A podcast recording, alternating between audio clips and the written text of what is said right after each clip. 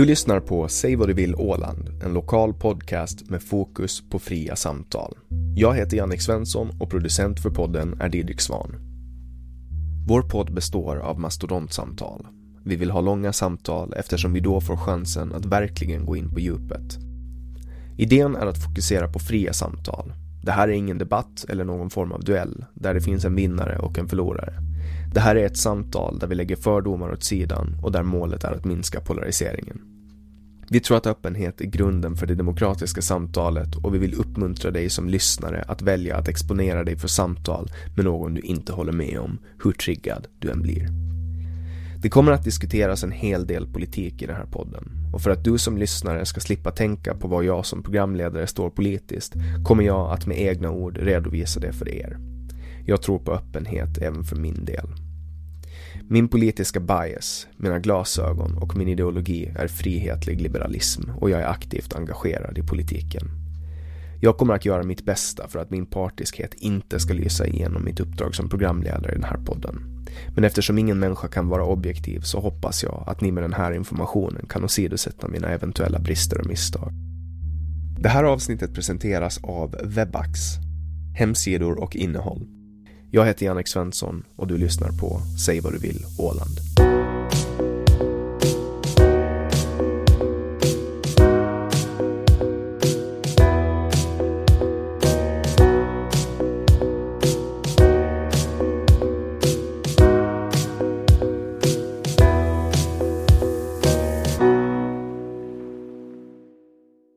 Vår gäst idag är en man som har många timmar framför mikrofonen.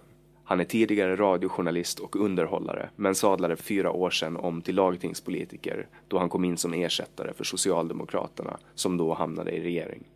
Han sitter också med i stadsstyrelsen i Mariehamn.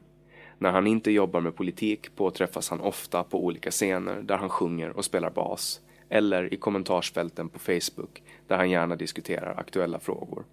Han lät nyligen meddela att han inte kommer att ställa upp för omval till Ålands lagting. Välkommen hit, Tony Wikström.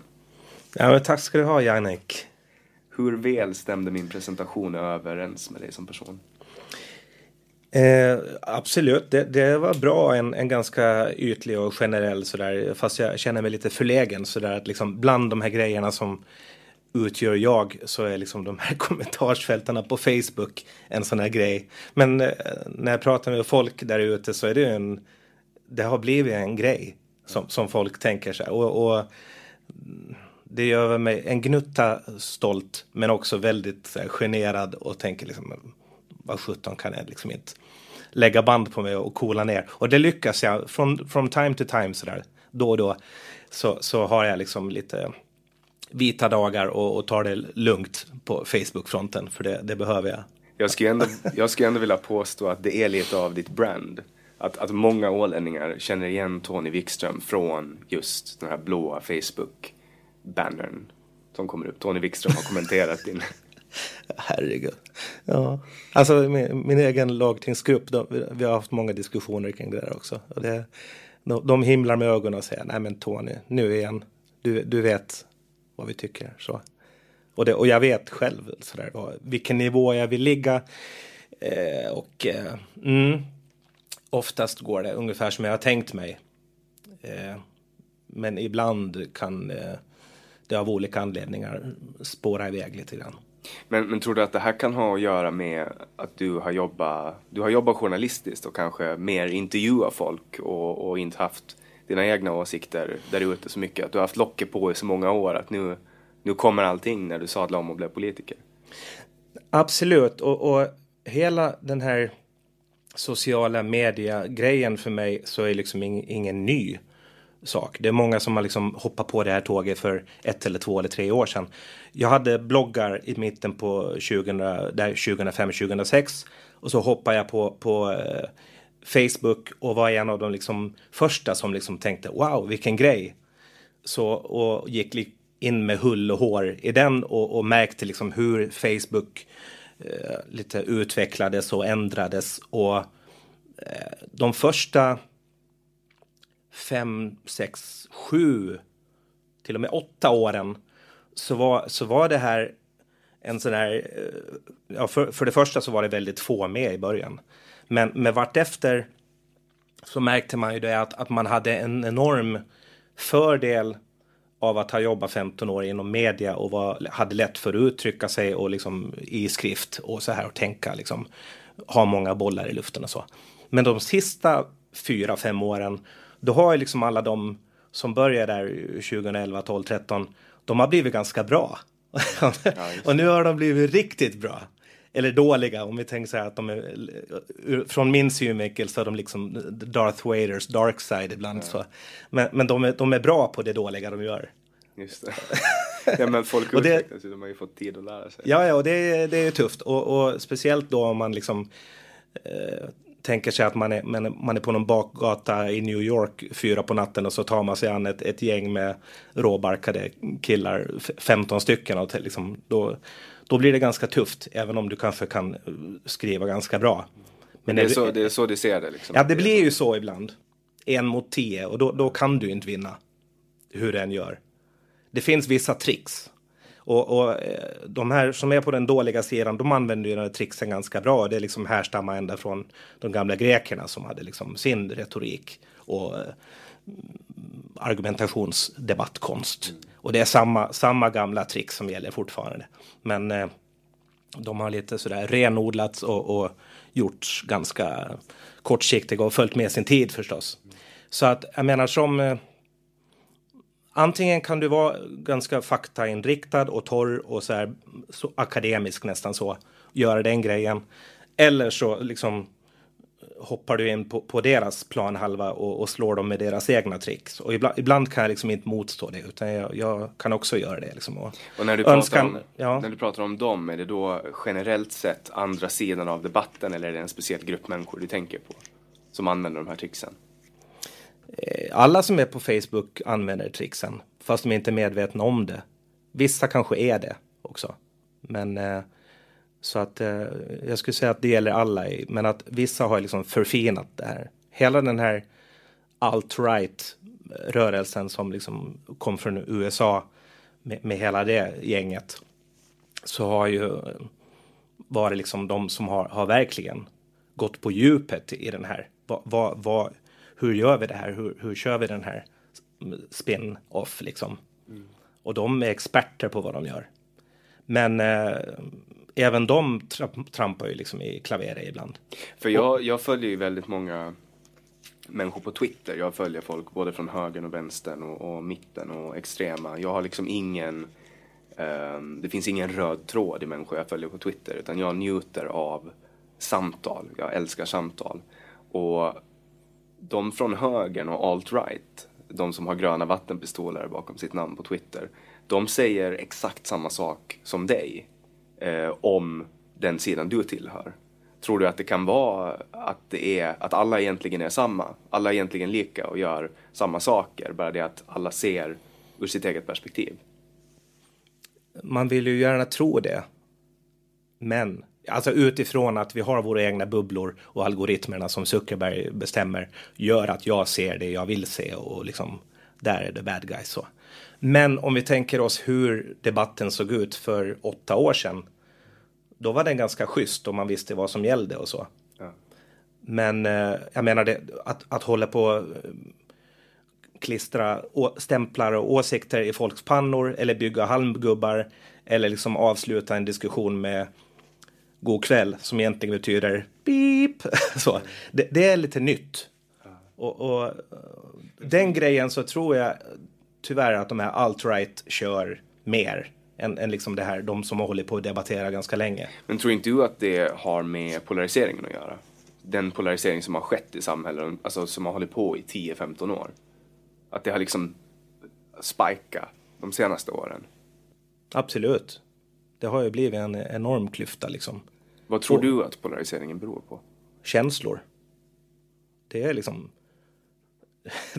när hjärtat börjar slå och, och, folk liksom börjar darra på rösten och, och fingrarna på tangentbordet börjar liksom lite sådär skaka. Då, då, funkar liksom inte frontala cortex som det ska, ska göra utan det är liksom reptilhjärnan som kickar igång. För så har det ju alltid varit, vad jag minns i alla fall, alltså så länge, så länge jag har varit på Facebook, vilket är tio år, eh, så har ju folk alltid hamnat in i, i debatter och, och jag, jag, kan hålla med om att tonen har blivit hårdare nu. Men jag tror att det har med polariseringen att göra. Och, och polariseringen, tror jag, och vi bakom den här podden, eh, det är någonting som vi är, öppna med att vi vill motverka. Um, vi, vi, tror att det har att göra med att man väljer att inte lyssna på varandra. Att man lyssnar för lite och de gångerna man går ut ur sina egna filterbubblor då går man med svärdet och skölden i högsta hugg liksom och så går man ut en liten stund och så är man där och sen backar man tillbaks in i tryggheten och blir liksom uppvärmd. Eh, och, och, det tror jag att filterbubblorna kan, kan ha skapat som effekt.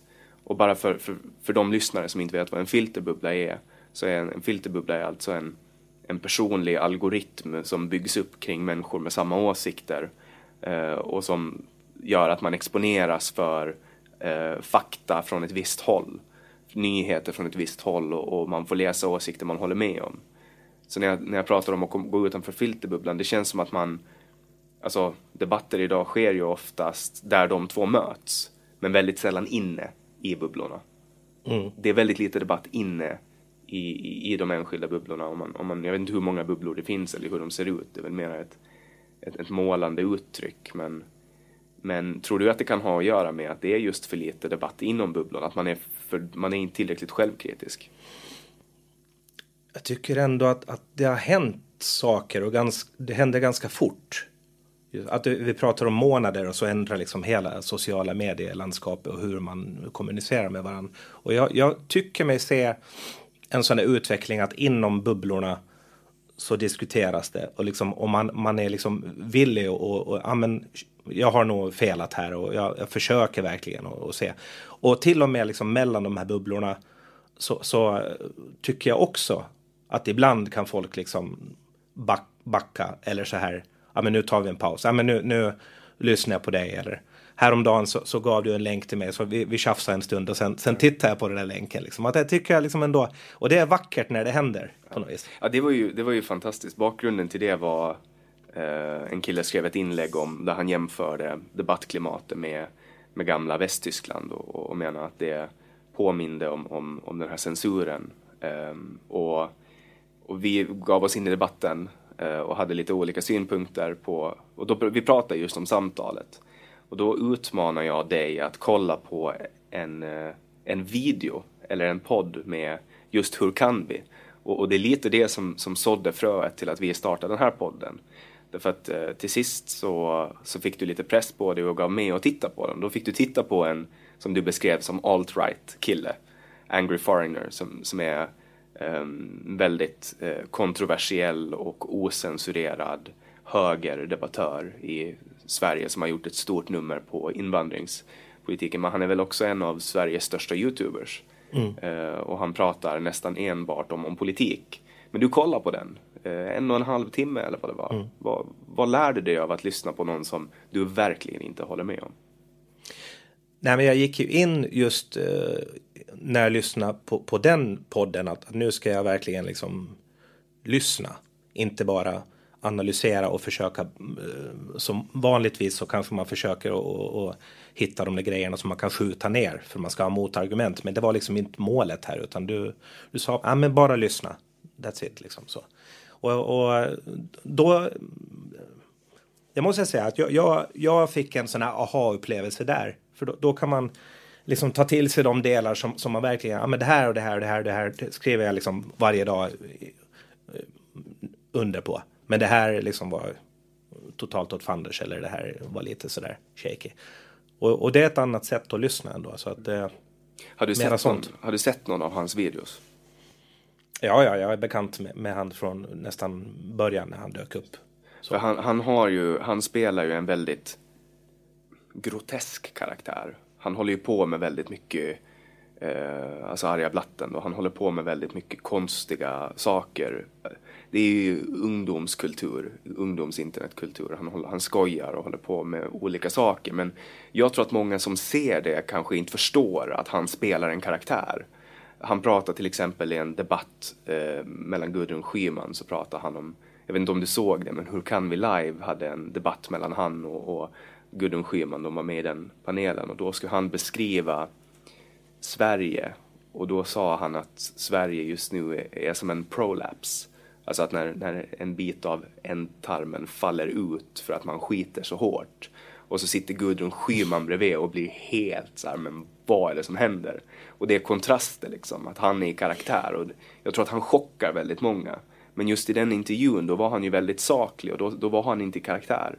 Utan han, han var sitt, sitt privata jag eller vad man ska säga. Och, och då jämfört med den person han är i karaktär så förefaller han ju ganska lugn. Men, men vad, hur känner du liksom, eh, är det till nackdel eller är det till fördel att använda de här stilistiska greppen och spela en karaktär när man för fram sina åsikter?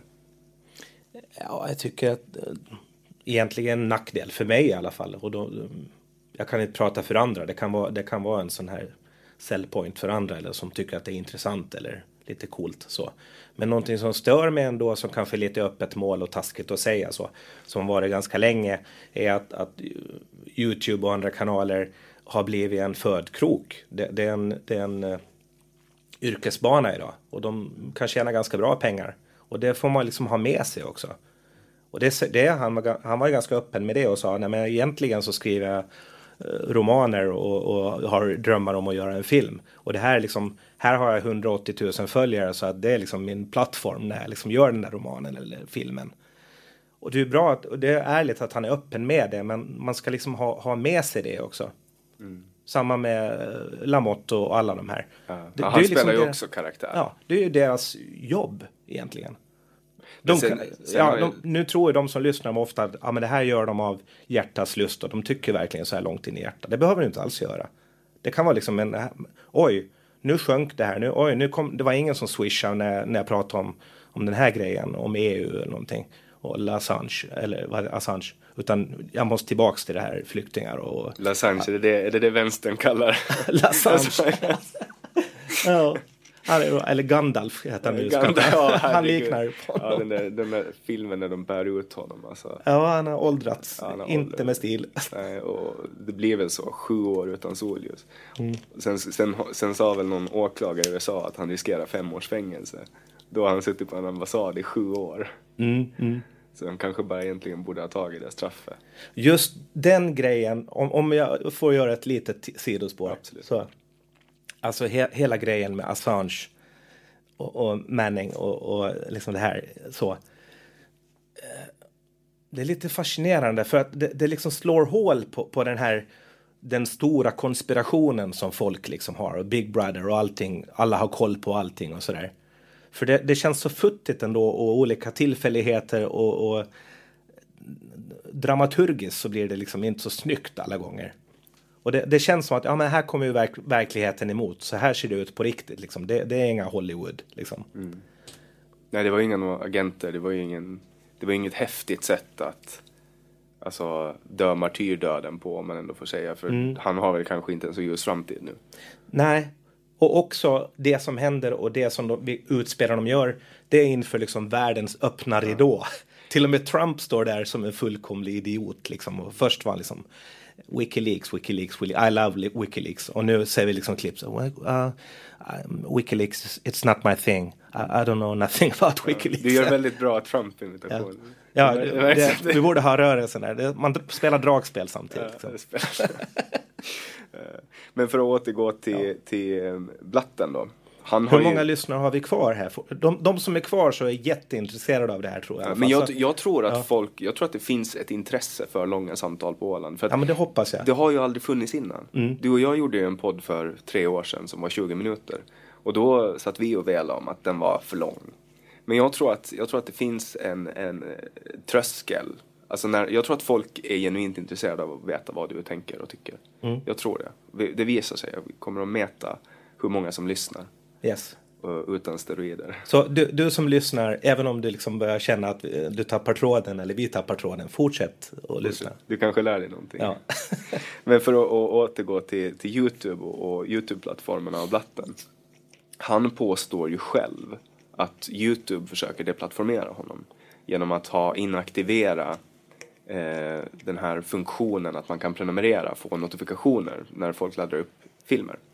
Eh, och han menar att eller menar och menar, han antyder att det är vänsteraktivister som jobbar på Youtube. Om så är fallet, eh, att det jobbar vänsteraktivister på Youtube och Google, tycker du att det är bra att de använder eh, utomparlamentariska metoder på det sättet för att tysta alt-right-rörelsen? Eh, det korta svaret är nej. Så. Men eh, jag tror att man kanske inte alltid ska dra så eh, stora växlar på det. För att ofta så handlar det om att de har mycket muskler och pengar och resurser. Men de har, har inte oändliga resurser. Och det är en otroligt massa mängd liksom, inlägg och, och eh, blockeringar och grejer som de ska ta, liksom, kolla upp. Så att jag tror att det handlar om, om tidsbrist. Liksom. De gör det som är smidigast för dem egentligen. Som, eh, det var en socialdemokrat här i, i valrörelsen, Olle Torell, som skrev en massa, han skrev grejer och så hade han videos där han pratar mest om Sverigedemokraterna. Då. Och ett av de här inläggen så, så blev det liksom en sån här riktig hatstorm. Eh, inlägget var helt okej okay, och hatstormen var helt eh, eh, liksom eh, korsa alla gränser och, av anständighet och så. Men då tog ju Facebook bort det här hela inlägget så. Och, och det var ju inte det som var problemet utan det var liksom hatet under som var problemet. Men man tänkte då att ja, men det här det är lättare bara. Det kan ju ha, det kan ju ha varit en, en uh, konsekvens, alltså för Facebook har ju en jättekonstig algoritm när det kommer till, alltså om en viss procent av de som ser ett inlägg eller nås av ett inlägg uh, anmäler, då tas det bort. Mm. Det är ingen som riktigt vet var gränsen går, men det har vi också haft en diskussion ja, precis, om på Facebook, ja. om, om deplattformering i form av, av uh, massanmälningar. Och det är ju ett känt fenomen som sker oftast eh, genom samverkan hos vänstern, för att vänstern är bättre på att organisera sig. Så har det väl alltid varit. Men att man har de här grupperna som vi var inne på, till exempel eh, Jag är här. Där sker det ju ofta samkoordinerade massanmälningar mot inlägg. Och, och det kan ju, man kan ju tänka att, att det är bra om det är någonting rasistiskt som man tycker att inte borde finnas där eller någonting sexistiskt. Men eh, vem är det som avgör vad som inte borde vara på internet om, om man ska ha yttrandefrihet? Var går liksom gränsen? Var, var går moralen in och var får man själv bestämma? Liksom, jag tycker inte om att läsa det här. Vi borde ta bort det. Mm. Där hittar vi säkert en skiljelinje mellan dig och mig. Så att jag mm, tycker det är bra om det är liksom lite um, hygienkoll på, på kommentars, kommentarsfälten och, och, vissa av de där värsta grejerna liksom tas bort i och med att många, många anmäler det.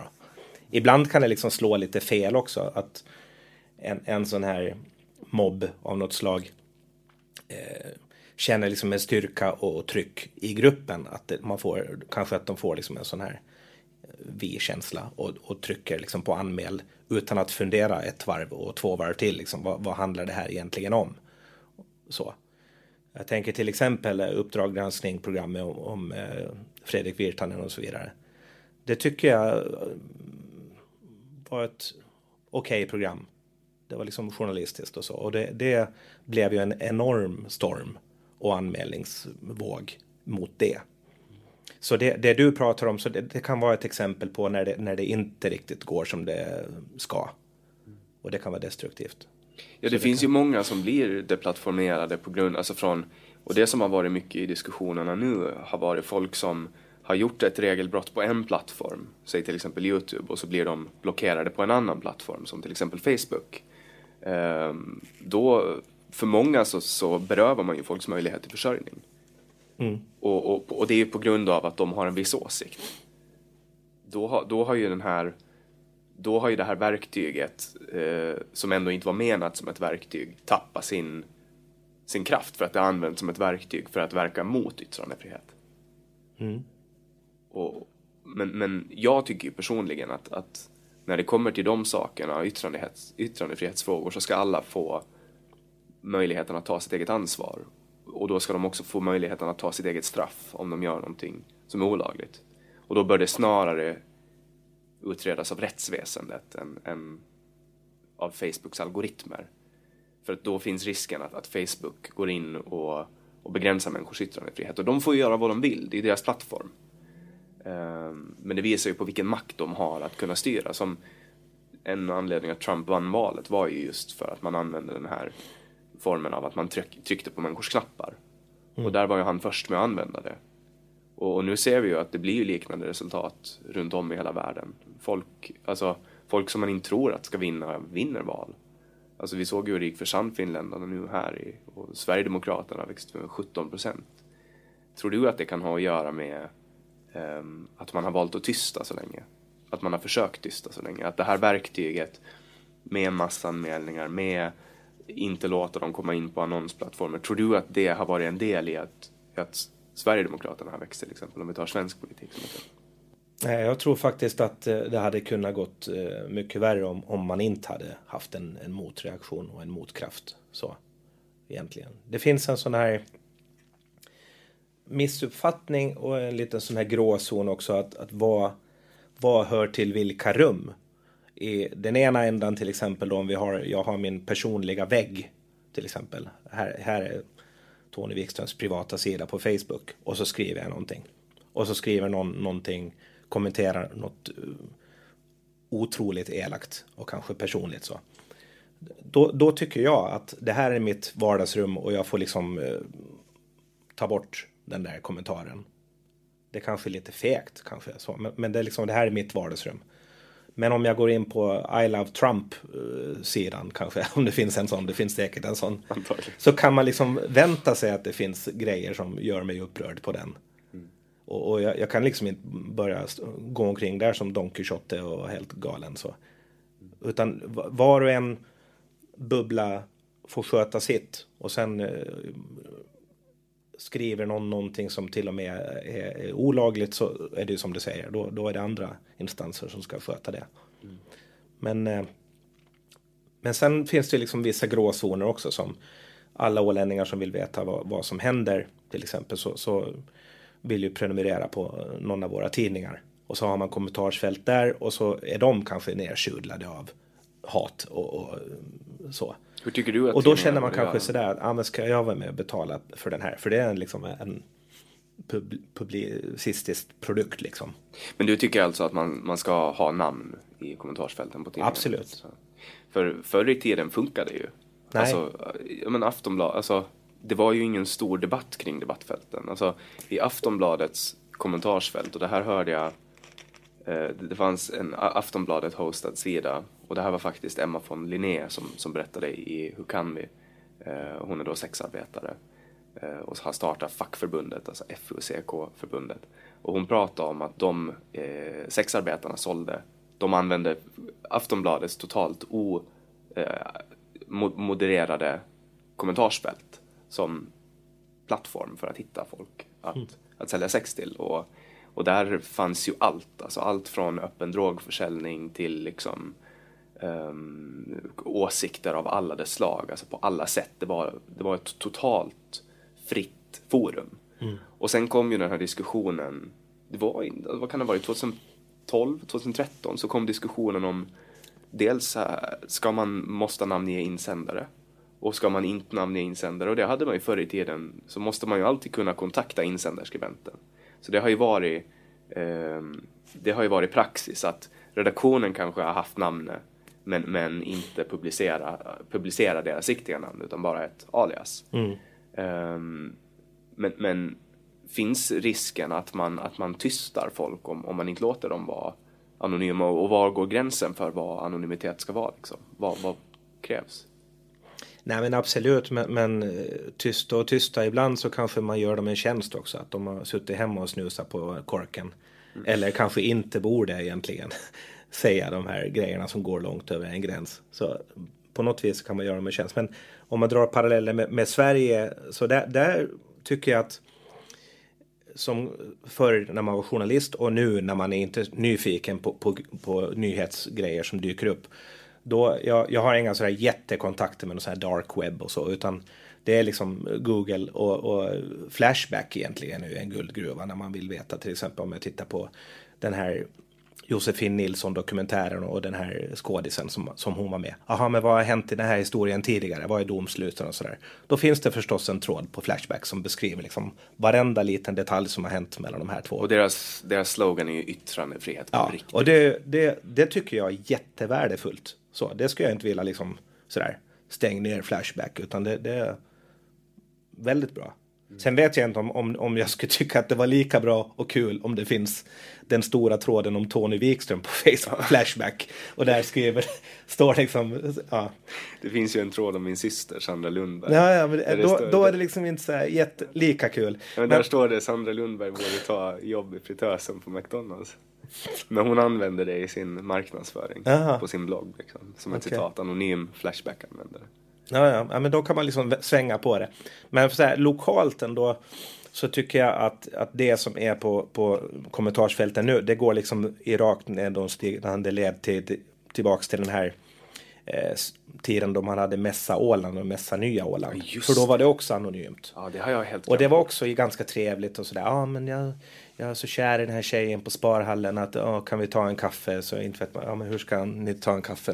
Hon vet inte vem du är och du vet inte vem hon är. Så, men, men den spårar ju totalt ur. Ja, jag kommer slut. ihåg när man tog bort det. Mm. Alltså jag undrar om jag inte, om det var kanske, kan det ha varit 2012, 2013? Mm. När det hade spelat Ungefär, ja. Jag hade helt glömt bort det. Jag tänker det... att man kan glömma bort någonting som man har följt under så många år. Ja, ja. Och det var helt liksom jämbördigt med, med kommentarsfälten nu som man har igen då. Tror exempel. du att anonymiteten gör någonting med människan? Så fort man blir ja, anonym så blir man mer... Förr var det ännu mer så att, att man, folk liksom hade en kittlande spänning i att oj, nu kan jag säga något utan att... Och många är blyga och, och, och så. Tycker jag säkert är jättefantastiskt att gömma sig bakom anonymitet. Men idag blir, går det ju mer och mer åt att man, man berättar vad som helst till, till hela världen. Mm. Vilket är lite svårt att förstå. Mm. För det, vill, det vill ändå vara privat till viss del. Ja, om jag har liksom varit först där med bloggar eller pionjär lite där 2005 och, och började med Facebook så min privata sfär och vad som händer i mitt liv och hur jag mår och allting så det, det har känts ännu viktigare liksom att hålla tillbaka på. Då är vi väldigt olika. Mm. Jag, har ju, jag är ju öppen med allting Alltså allt från vilka psykiska sjukdomar jag har till vad jag känner, känslor, hela den biten. Men, men det är antagligen bara en personlig läggning man har, antar jag. Eller så har det att göra just med min syster, för hon har ju också alltid, mm. hon har också alltid varit öppen. För egen del så tror jag det, det hänger mest ihop med eh, hänsyn till mina barn och ja, nära och liksom vän, så. De som berörs också. Mm. Ja, att jag vet, jag vet att, att så fort jag går in på det området och skriver saker och de ser det så, så, så händer någonting med dem också. Mm. Och det, det, är jag liksom tvungen att ta hänsyn till, känner jag. Ja. Jag kanske får sluta med den linjen när jag skaffar barnen. Ja. Men när vi ändå är inne på det här med kommentarsfält eh, tänkte jag att vi kan prata lite om hatsvansar. Mm.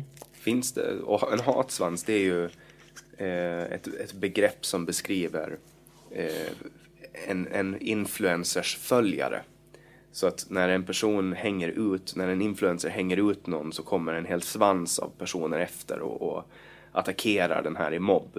Eh, men, men jag tänkte faktiskt vrida på det så här och, och, fråga vad vet du om kärlekssvansar? Finns det kärlekssvansar eller finns det bara hatsvansar? Det är lite jobbigt för folk att, att ingå i en kärlekssvans också tror jag. För du, du behöver ju ändå liksom outa där och, och, skriva något under eget namn. Till exempel på Facebook eller sätta dit en tumme och alla ser vem, vem du är. Men eh, i, om man är flera, om de känner att de, de, de är fler än två eller tre, då, då, då är det lätt att vara med i en kärlekssvans kanske. Är det, är det, har man som influencer ansvar över sin hatsvans? Eller sin svans om vi säger ja, så? Det tycker jag. Även, det... även sin kärlekssvans då? Ja, det är väl bara trevligt åt alla håll. Men, men eh, en kärlekssvans är också en, en bekräftelsesvans som, som liksom bestyrker det du just har sagt. Som också tar liksom energi och ära och, och, och argument från, från den här motståndaren så att säga. Så att re, ren kärlek på, på Facebook finns inte tror jag. Men om man, om man har väldigt, väldigt många följare, då måste ju finnas, alltså då borde det ju representera um, allmänheten på något sätt. Det måste ju ändå finnas någon form av representation av alla och det måste ju finnas dåliga följare bland allas följarskaror mm. och människor som inte kan bete sig.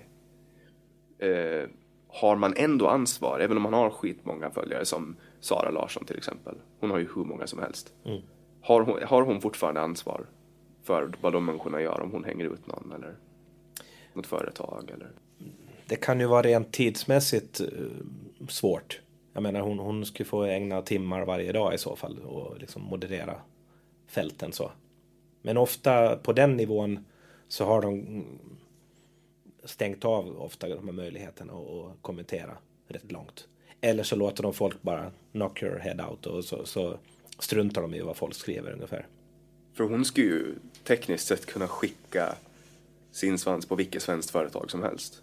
Mm. Och, och, så här totalt sådda ner deras betyg på Facebook, förstöra deras kommentarsfält, uh, förstöra, alltså så liksom. Man har ju ganska mycket makt när man har mycket följare och så, så har det ju alltid varit. Det är ju därför eh, det är därför tidning, det har alltid funnits sån uh, maktkoncentration kring tidningarna. Så. Mm. Bara kollar man på Åland så fanns liksom Julius Sundblom som både var tidningsman och uh, politiker samtidigt och, och så. Um, men det är, en, det är väl en av, av de stora frågorna idag. För att nu får ju människor makt. Alltså Sara Larsson, hon är lika gammal som mig. Hon är väl runt 25 eller någonting. Mm. Hon är lika gammal som mig och når flera människor än vad Aftonbladet och Expressen gör tillsammans. Liksom. Mm. Uh, det är ju en otrolig makt vid fingertopparna. Liksom. Hon kan med sina tummar få saker att hända. Och hon får ju hur mycket som helst per sponsrat inlägg. Hon tjänar ju hur mycket som helst. Och är det bra att makten förflyttas till folket? För det här är ju faktiskt så att makten förflyttas till folket, men det är ganska ojämnt. Det är ju några få individer som har väldigt, väldigt många följare. Medan den vanliga Svensson har några följare. Mm. Är, det, är det bra den här maktförflyttningen? Eller? Jag tror inte det är någon större fara. För med, med de här utspelen och det de säger så, så kräver det också att de har en skärpa och, och följa upp, svara på följdfrågor från media och så vidare. Och, och, man har ju sett exempel på exempel när de inte har kunnat klara av att backa upp det där utspelet som de har gjort. Och då, då slår det ju tillbaka på dem själv. Så att eh, jag tror inte att man behöver vara så himla oroad för det. Men som till exempel Pewdiepie, han har ju varit med i många kontroverser där det har blivit stora rubriker och han fortsätter växa liksom. Han har ju gjort många saker som både klassas som rasistiska och till och med nazist har han blivit kallad och så. Mm. Eh, men han växer ju fortfarande dagligen på daglig basis liksom och blir bara större och större. Ehm, så det känns som att, alltså, och han är ju också, han är också någonting i min ålder, han är något år äldre. Och, och, och är världens största youtuber, liksom ligger etta, tvåa, etta, tvåa. Och är det en ojämn fördelning i, i en del människor? Kan det ha med algoritmer att göra? Att en del människor blir större för att de redan är stora? Ungefär som med rika människor börjar bli rikare och Absolut. Rikare. Så, så är det ju. Och de, de som redan är die hard fans så, så, finns ju där. Liksom politiker har så, så att säga häströstare, säger man, liksom häströster. De röstar på dig eller ditt parti no matter what. Mm. Vilka utspel och, och fadäser du än gör. Men däremot de här enskilda mm, sakerna som, som kanske Pewdiepie har gått ut med.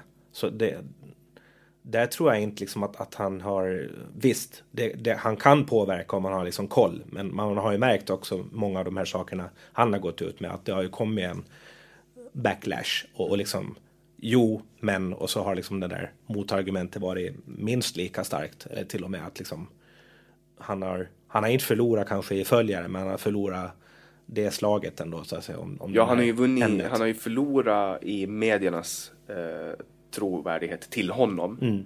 Men samtidigt har han fått väldigt mycket press och det har gjort att han växt väldigt mycket. Och, och det är också ett välkänt fenomen att all publicitet är bra publicitet. Liksom. Jo, jo, men det... Sånt är det, så är det bara. Sen tänkte jag också att vi skulle prata lite om den parlamentariska situationen i Sverige. Det är mm. ju till viss del intressant för, för ålänningar och borde vara det mest intressanta hur det går i Finland. Men språkbarriären gör att vi i väldigt hög utsträckning är mer in, insatta i svensk politik än finsk. Eh, men du sitter ju med i Nordiska rådet, mm. sitter med i fyra år och, och, har kommit i kontakt och lärt känna många svenska politiker och, och kanske också har lite insiderinformation om regeringsbildningen i Sverige. Det uppstod ju en, en spännande parlamentarisk situation där, där, man, där, där de etablerade partierna valde att utesluta det tredje största partiet ur regeringsförhandlingarna och, och där skapa ett dödläge. Vad, vad, vad är din syn på saken och vad kan du berätta om, om har du någon insiderinformation? det man har läst och, och, sett på tv och så, så samma sak säger egentligen enskilda ledamöter också när man träffar dem backstage. Så. Om man har i alla fall i de kretsarna som jag eh, umgås, alltså vänster och socialisterna och socialdemokraterna, så anser man att eh, Sverigedemokraterna eh, är på ett helt annat plan än, än liksom Sannfinländarna eller till och med Dansk folk, Folkeparti. Även om kanske i vissa frågor så, så kanske de är mekigare, men deras bakgrund gör liksom att, att ett större samarbete så är liksom uteslutet. Däremot så, så missförstår ju folk ändå det här med att, eh, att inte prata med, med eller samarbeta med Sverigedemokraterna. Visst gör man det. Man sitter ju liksom i samma sal, man sitter i, i olika utskott, sitter i Nordiska rådet och, och dricker kaffe och pratar och, och eh, liksom debatterar olika medlemsförslag. De är med på precis samma premisser som vilket parti som helst. Så vad det handlar om är liksom att ge dem regeringsmakt egentligen. Mm. Och, och, det är man ju fri att göra om, om man säger att nej, vi vill inte ge dem det. Och det, det är liksom demokrati. Att, men att, att säga så ja ah, men vi, det här, åh, det är så barnsligt och, och att ni liksom stänger dem ute och ni pratar inte med dem. Det, det stämmer ju inte. Men du, du måste ju vara nöjd över att att man har lyckats knäcka alliansen.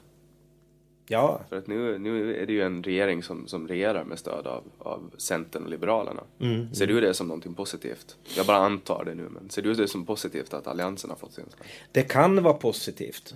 Om inte KD, Moderaterna, tänker att vår, vår enda chans är att gå ihop ännu mer med SD och bilda någon sorts ny Darth Vader-allians till nästa val.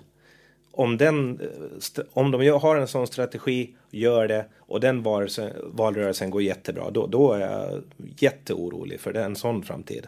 Men... Darth Vader är ju ondskan personifierad. Mm.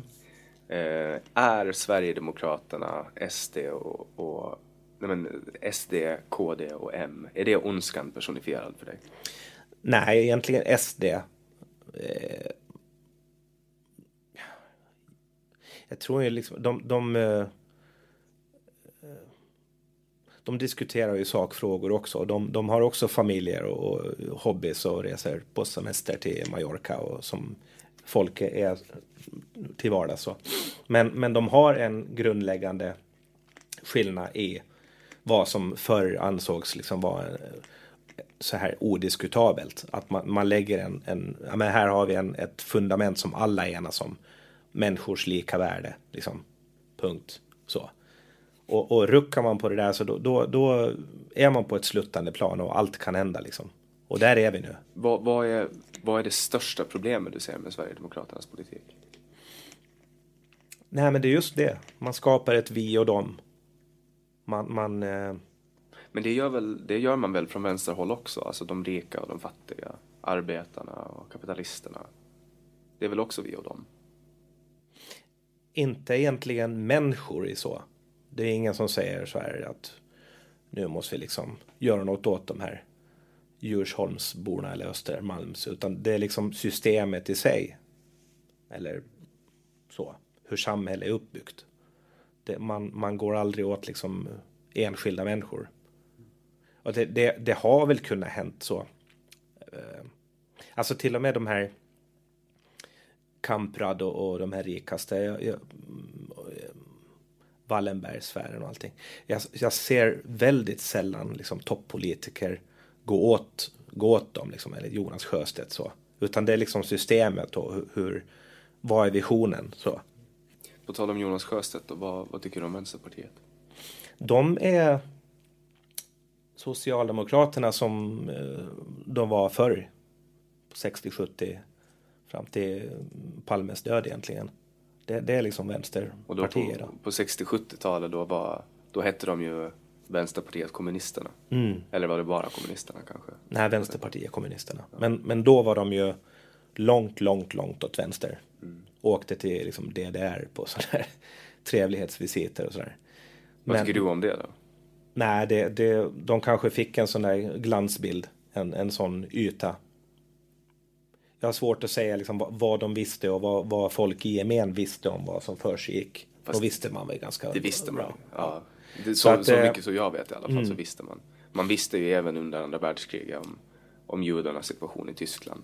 Man skämtade till och med om det i tidningarna liksom. Mm. Nej, alltså det, det partiet som de var då, så det, det, jag ska inte säga att jag liksom tar starkt avstånd från, men det är ingenting som parti som jag någonsin skulle kunna vara med i, ever. Men, men det vänsterparti som är idag, så skulle jag absolut kunna skriva in mig i partiet, vilken av som helst. För jag tycker att de, de, de är egentligen dagens socialdemokrater. Socialdemokraterna i Sverige idag så, så vill väl vara det, men de vill också triangulera mot mitten. Många säger ju att Sverigedemokraterna är som Socialdemokraterna var på 70-talet. De pratar om folkhemmet och de pratar om välfärden och de pratar om trygghet och så. Ehm, är inte det en närmare jämförelse? Alltså hur Socialdemokraterna såg ut förut? Att, att Sverigedemokraterna ligger närmare än vad Vänsterpartiet gör. För att Socialdemokraterna har väl aldrig, aldrig egentligen velat ha planekonomi. Men det vill väl Vänsterpartiet? Så vitt jag vet i alla fall. Alltså att man vill sträva mot en planekonomi. Ja, jag strävar. Även idag så har man liksom inte tagit bort det ur partiprogrammet att liksom produktionsmedlen ska övergå till staten och så. Inte imorgon, men på sikt. Och frågar man Jonas Sjöstedt specifikt om det så tror jag väl att han pratar om sådana stora institutioner och, och, och sektorer där det inte fungerar idag som, som många medborgare generellt skulle tycka att det var ganska vettigt att, att staten skulle liksom ha en större roll i som stora banker till exempel. Men där har man ju till exempel bankerna. Invändningen som finns där är väl att i princip alla lågkonjunkturer som, som händer, händer på grund av statens inblandning på något sätt. Ja, jag tycker ju inte det. Utan det, jag tror att det är girighet i botten som får folk att ta risker. Att det finns liksom inte de där säkerhetsmarginalerna. Utan det, och möjligheten girighet? att tjäna pengar gör att det blir så otroligt komplicerat så till sist så det är ingen som liksom har kontroll, ingen vet riktigt hur det fungerar och ingen tar ansvar för att det fungerar. Utan det, det är minsta lilla kort i det där korthuset gör liksom att allt faller i, ihop. För det finns ju redan idag centralbanker som styr räntan till exempel. Och, och sen finns det banker som har människors pengar men i allmänhet så, så är det ju staten, så har ju staten ganska stor makt över bankväsendet. Men finns det några andra, andra institutioner du tänker på? Alltså typ medicinbolag eller? Ja, om vi pratar med, med, om Sverige så, så är det ju förstås eh, välfärdssektorn. Liksom. Skolor och äldreboenden. Och så. Jag tror att, att eh, stat och kommun gör ett bättre jobb med det. Eftersom du kan liksom inte räkna mjuka värden i, i pengar alltid. Och, Men och- sen använder man ju statsbudgeten som högsta medel för att liksom, det är ju det man använder som verktyg, pengar. Om någonting kostar orimligt mycket pengar, då är det ju orimligt att, att fortsätta ha det så. Där är ju privatiseringar det bästa verktyget för att slipa ner det som är onödigt. För att då slipas det ner av sig själv. Det är liksom en själv, det är ett självspelande piano. Allt onödigt faller bort av sig själv medan i offentlig sektor så kan ju saker kosta hur mycket som helst i onödan. Och även där i upphandlingar utnyttjas av kapitalister som utnyttjar byråkratin liksom. Mm. Ja, och jag skulle säga ändå att, att om du frågar om, om lite bakom kulisserna i Nordiska rådet så där är det ju en, en, en sak ändå som, som jag tycker att är en definition på, på socialdemokratin vad man vill idag så i, i Sverige och hur, hur man tänker. Nu har man haft privatiseringar ganska länge och man börjar inse det att en mix liksom där det finns både offentligt och privat och de privata har koll på sig. De, det offentliga har samma koll på sig. Då blir det en ganska sund marknad, har man märkt. Och jag, det var ett eh, en sån här eh, eh borgarråd från, från en större svensk stad som sa till mig också att, att eh, borgarna, högern, hade, hade liksom tagit över förra mandatperioden, privatiserat nästan allt i äldreomsorgen. Men, men då hade liksom de andra bo, vårdbolagen till och med sagt att det här blev inte bra. Vi, vi, behö, vi, vi vill gärna ha en del, en större mix En offentlig. Ja. Här på Åland finns ju både offentlig vård och privat vård och det funkar ju väldigt bra. Du mm. kan ju gå till läkare, antingen privat eller till OHS och vart du än går så får du högklassig, riktigt bra vård. Um, så, så Åland är ju ett levande exempel på att det borde kunna gå att funka i Sverige. Vad är det som gör att det inte funkar i Sverige? Vad tror du? Ja, jag tror att man gick in för privatiseringarna. Eh, egentligen var det sossarna som, som drev på en hel del också. För det var eh, sådana tider då. Med, med liksom i, i framförallt Storbritannien i slutet på 90-talet så tänkte man att marknaden sköter det här. Det finns liksom den här marknadens osynliga goda hand som, som liksom ser till att allt blir effektivt och bra och konkurrensen finns där. Men eh, det har ju inte blivit bra. Så. Det, är, det är mycket, speciellt i Sverige, alltså med långa vårdköer och, stora problem. Och de har ju fortsatt växa nu under, under Socialdemokraternas regering. Det är ju mm. ingenting som har vänt. Det, det är verkligen inte en lätt fråga. Vi ska ju skatta oss oerhört lyckliga på Åland som har alltså så pass bra vård som vi har. Mm, mm. Ehm, de, lösningen kanske är att de borde titta lite mera på Åland. Ja, alltså det är lite som att svära i kyrkan sådär, men, men jag har ju försökt lite grann prata med, med andra politiker på Åland och, och i Sverige att, att uh, offentliga sjukvården och, och, så borde se mera på, på vad det privata gör. För där, där finns en massa spännande nya idéer. Och, och, jag var på en föreläsning för två år sedan här på, på Alandica och då var det en, en direktör från General, eller GE Medical som är det här stora jätten så. Och hon sa att förut så var det en sån här triangel att man hade liksom vård, mera vård, mera pengar. Det följdes liksom åt enligt en naturlag nästan. Mm. Men slänger man in liksom digitaliseringen i den här mixen, då är det liksom vård, mera vård, behöver inte alls bli dyrare, utan till och med billigare. Om vi tänker de här eh, chatt eller, eller eh, om du ja, du e-mailar eller chattar, chattlekar så att säga. Som eh, privata har tagit en ganska stor bit av kakan nu då.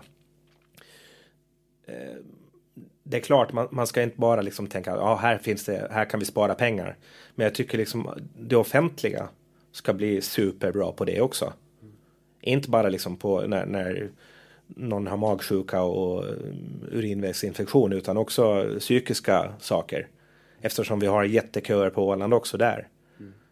Vad 17 måste man gå liksom till, till, till, en KBT på nät och betala 600 euro för 10 gånger liksom privat. Det där är någonting som psykiatrin här borde sådär ja. ta. Har Åland möjlighet att, att, kunna göra det?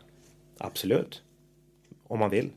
Det är en ålänning som, som har liksom drivit just det här KBT på nätet till exempel också från tror det, om det är Danderyd eller Karolinska, jag tror det är Danderyd. Kan vara Karolinska, jag har faktiskt gjort en sån. Ja, Eh, på Karolinska. Okej, okay, intressant. Ja, de har ju väldigt annorlunda, jag har ju bott i Sverige i tre år och blev inrullad i vården direkt med fulla privilegier i och med att jag är nordisk medborgare och det är ett väldigt friktionsfritt system. Det är klart att du har sina bumps men till exempel jag fick eh, otroliga problem med panikångest alltså det spikar riktigt snabbt, kom från ingenstans. Jag har haft det länge men, men det kom med en intensitet som aldrig har funnits förut.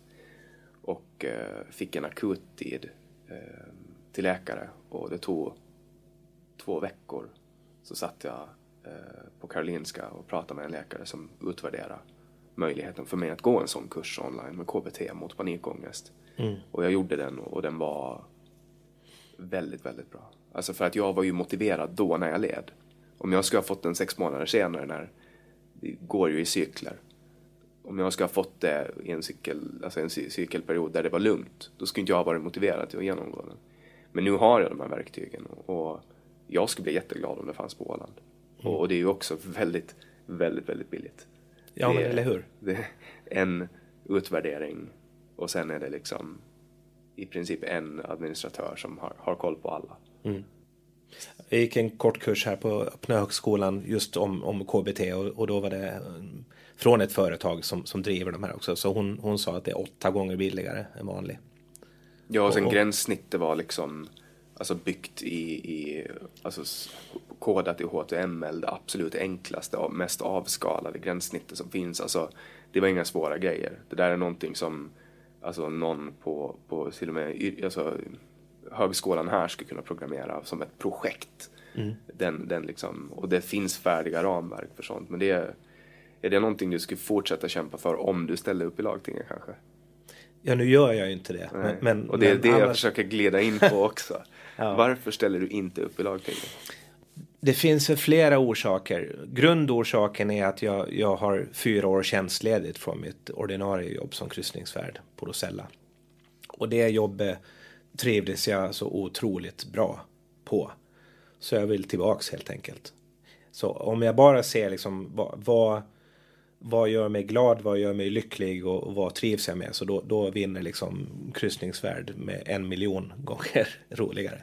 Sen har liksom politik och, och samhällsarbete liksom en helt, helt andra dimensioner och, och givande på andra sätt. Men det var svårt att ta beslutet men när, det en gång, när jag en gång gjorde det så var det totalt självklart att liksom, jag ska ta en paus. För jag tänker det, det en, kan vara en paus. För en mandatperiod i fyra år och det går ganska fort. Mm. Så att eh, kanske där 2023 så, så, finns jag igen i, liksom, i lagtingsvalet. Kommer och, du att ställa upp i stan då? Det kommer jag att göra. Så du kommer fortfarande ha kvar den roliga politiken som folk brukar säga? Ja, ja, absolut. Den roliga men icke betalda? Mm, mm. För där får ni ju stå framför kameror och... Ja, jag får ju se. Jag har ju varit i stadsstyrelsen och där har vi inga kameror. Nej, så. Och, och, det har varit otroligt intressant också. Och jag har sagt att ja, men nu ska jag ner i salen och, och gå med i något, någon nämnd. Men eh, ja, vi får se. Hur är det att sitta i stadsstyrelsen? Det, det är intressant. Ibland kan man ju tänka sig att, att de som sitter där så, så har eh, det, det är ingen som lyssnar. Det finns ingen kamera och ingen publik. Så man behöver liksom inte egentligen hålla något brandtal, men vi gör det ändå. Inför varandra. Och vi, ja, och vi försöker liksom eh, ändra varandras åsikter och få varandra att byta åsikter. Vilket vi inte gör heller ändå. Såklart. Så, så, så, på det viset är det liksom en så här lite en liten bubbla där man liksom, ja men kom igen, ni, ni vet hur det funkar ändå. Så att vad, vad, nu, nu bara, vi, eller vi vet vad, vad, ni tycker och vi vet vad vi tycker. Nu går vi till beslut. Men ändå fastnar vi i så här eh, diskussioner som kan ta liksom över en timme ibland och det, det är intressant det också. Hettar det till? Absolut, det gör det. Men det har det har varit konstruktivt och bra ändå. De har haft riktigt dålig stämning här tidigare mandatperioder har jag förstått. Mm. Och, och, stämningen i, i stadsfullmäktige då, vad, vad, tycker du om, om det? Det har ju eldats upp ganska mycket mm. den här perioden. Jo, men sen har det blivit liksom en sån där sanning också ungefär som att det är så. Och ibland kan det vara, alltså, det är ungefär som det, det vi börjar prata om det här med att ha åsikter och ha rätt till sin åsikt och ha någon sorts frihet att säga vad man tycker. För det har faktiskt blivit så att, att när man tycker någonting annat eh, på ett kanske lite tillspetsat sätt, men om man har en av, avvikande åsikt så kan folk liksom bli bara kränkta av den orsaken. Och det, det är synd. För det, jag menar, åsikter ska få stångas mot varandra där tar det mycket tid då att sitta i, i nu, nu, vet jag att du inte sitter i stadsfullmäktige, men om man, mm. om man jämför, alltså för att jag sa ju att det, man brukar ju skämta om att lagting är det tråkiga men betalda och stadsfullmäktige är det roliga men, men icke betalda. Ligger det någon sanning i det tror du? Det blir ju liksom konkret på ett helt annat sätt. Om man ser att, att uh, från, från idé till, till någonting är färdigt så kan det gå ganska fort. Och, och, eh, det du säger så kanske har nog en större impact än i lagtinget. Så. I stadsstyrelserummet till exempel om, om man pratar om rena fakta i ett ärende och så säger du någonting så måste ju de andra ändå eh, ta hänsyn till vad, vad, som har sagts. Det går liksom inte som att eh, hålla för öronen och ropa bingo utan man, man måste liksom ändå hålla sig till fakta. Sen kan man liksom tolka det där fakta, men, men är det liksom odiskutabla fakta Så då, då, då kan det svänga faktiskt lite grann i, i hur, hur röstningarna går. Men om, om vi hoppar tillbaks till lagtinget då, i och med att du inte ställer upp igen. Eh, vem vill du skicka dina röster till? Jag har sagt att eh, jag har egentligen tre favoriter som är liksom väldigt långt ifrån varandra. Eh, Jessy som ställde upp i, i riksdagsvalet, Eckerman, tycker jag liksom är, har drivet och kunskapen och eh, är villig att liksom sätta sig in i de här detaljnivån som krävs. Liksom. För hon tycker att, att förvaltning är det bästa som finns på riktigt. och det, det kanske finns andra med, med andra och så här, intressen. Men, men, men hon, hon brinner av rätt orsaker och har liksom den där kompassen där hela tiden. Plus att, att liksom även om hon är 40 nästan så, så är, känns hon som yngre tror jag bland, generellt. Och så är hon tjej. Så att det, det, det skulle bli en, en upp, fräsch, frä, uppfräschning av mixen i lagtinget. Den andra är Henrik Löken Lötman som är enormt kunnig i skolvärlden. Och också liksom brinner stenhårt för liksom sociala frågor som tandvård och sådana här saker. Som han är liksom oerhört kunnig och också liksom sätter sig in i detaljer. Och han är en sån som när han pratar så säger han liksom bara det som gäller och det han tycker och folk liksom lyssnar verkligen. Och om det finns någon som är ännu bättre på det så är det liksom den här tredje kandidaten som är Kalle Fogelström som är liksom en kille som gör eh, comeback egentligen. Tror, vad kan han vara? 67, 8, någonting sånt. Så han har suttit i lagtinget en period och så, så pausar han den här och, och har ändå bestämt sig för att komma tillbaks. Eh, och det blir ganska mycket byte av folk i lagtinget eh, näst, i höst. För det är många som går i pension och, och många tänker att nu får det vara bra. Så att eh, de äldre måste liksom ha en röst också. Mm. Men framförallt han har liksom den här erfarenheten från att ha ledd, lett världens största kooperativa organisation som har så här små för, liksom, kooperativa företag runt om i världen med flera tusen anställda. Så han, han, liksom, han kan eh, jobba under enorm stress och enormt mycket fakta och enormt mycket liksom intryck och åsikter och så. Så att när han, han pratar och säger någonting om en budget, ekonomi, vision, analyserar vad som helst, då lyssnar folk också. Mm. Och det, det är sån otrolig tyngd i det. Så att med honom till, till exempel brukar jag liksom tänka att vi är 30 000 här på Åland. Med liksom en, en sån tung politiker så skulle liksom helt klart stå sig liksom långt upp i Sverige också. En, en eh, Socialdemokraternas Gunnar Jansson kanske? Ja, jo. För när, när, Gunnar, när Gunnar Jansson pratade då lyssnade man. Han satt ju 20 år i riksdagen och samlade på sig otroligt mycket erfarenhet.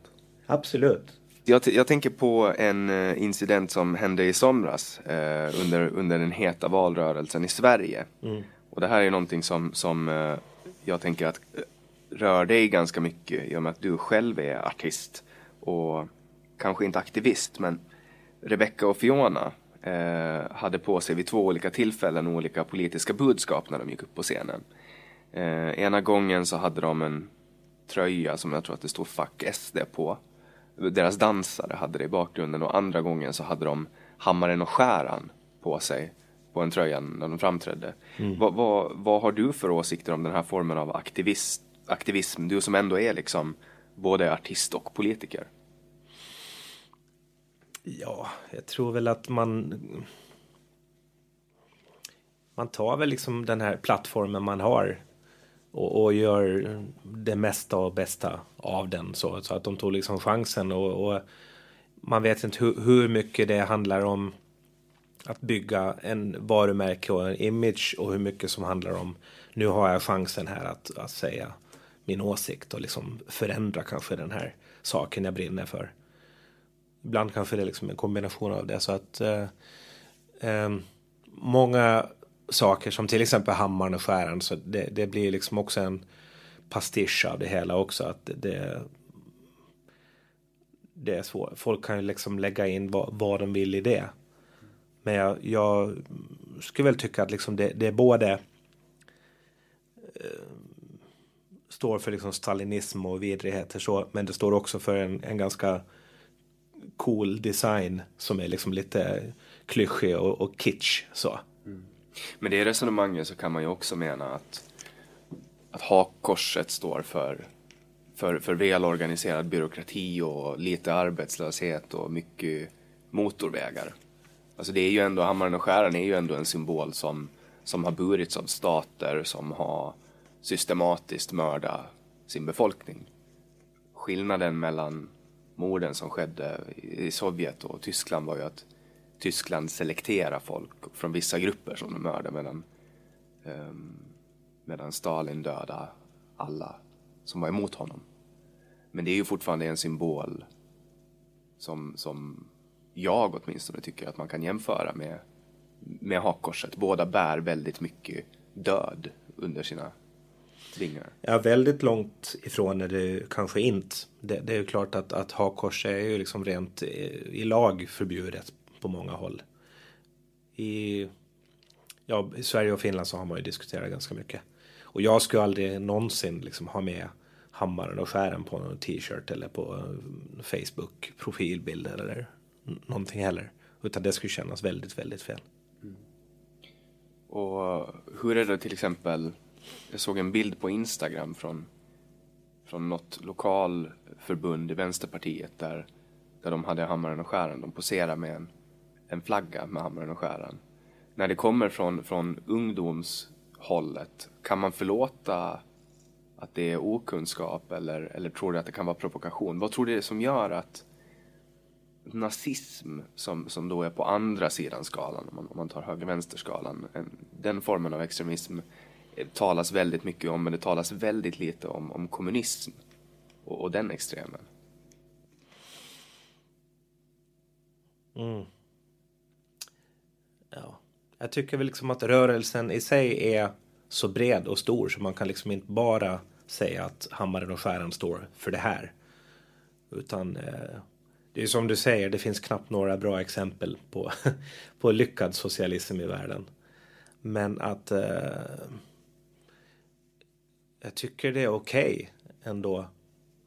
Det, det känns lite mossigt ändå för, för någon, någon ungdomsförbund att helt seriöst liksom seriöst använda sig av den symbolen som att det här står vi för och det här liksom så. Utan det, det blir det blir en lite sådär glimten i öga och kitschig grej. Vilket förstås har en besk eh, eftersmak och lite sådär klump i magen också. För, för helt kul är det ju inte och lyckat är det inte egentligen. Nej, för ingen Så. skulle ju tycka att det var kul om, om SD med glimten i ögat la ett hakkors på sin, på sin Sverigeflagga. Nej, de själva skulle absolut kunna göra något sånt längre fram. Kan jag tänka mig. Tror du det? Ja, ja absolut. Eftersom det, det blir en sån här jargong och man har ju liksom interna fester och sådär. Och kanske liksom driver med det folk tror om en. Ja, men det, det är ju det mest liksom, tacksamma att ha, ha med på olika interna fester och festligheter. Att, att driva med det som folk liksom, vill klistra på, på en i pannan. Liksom.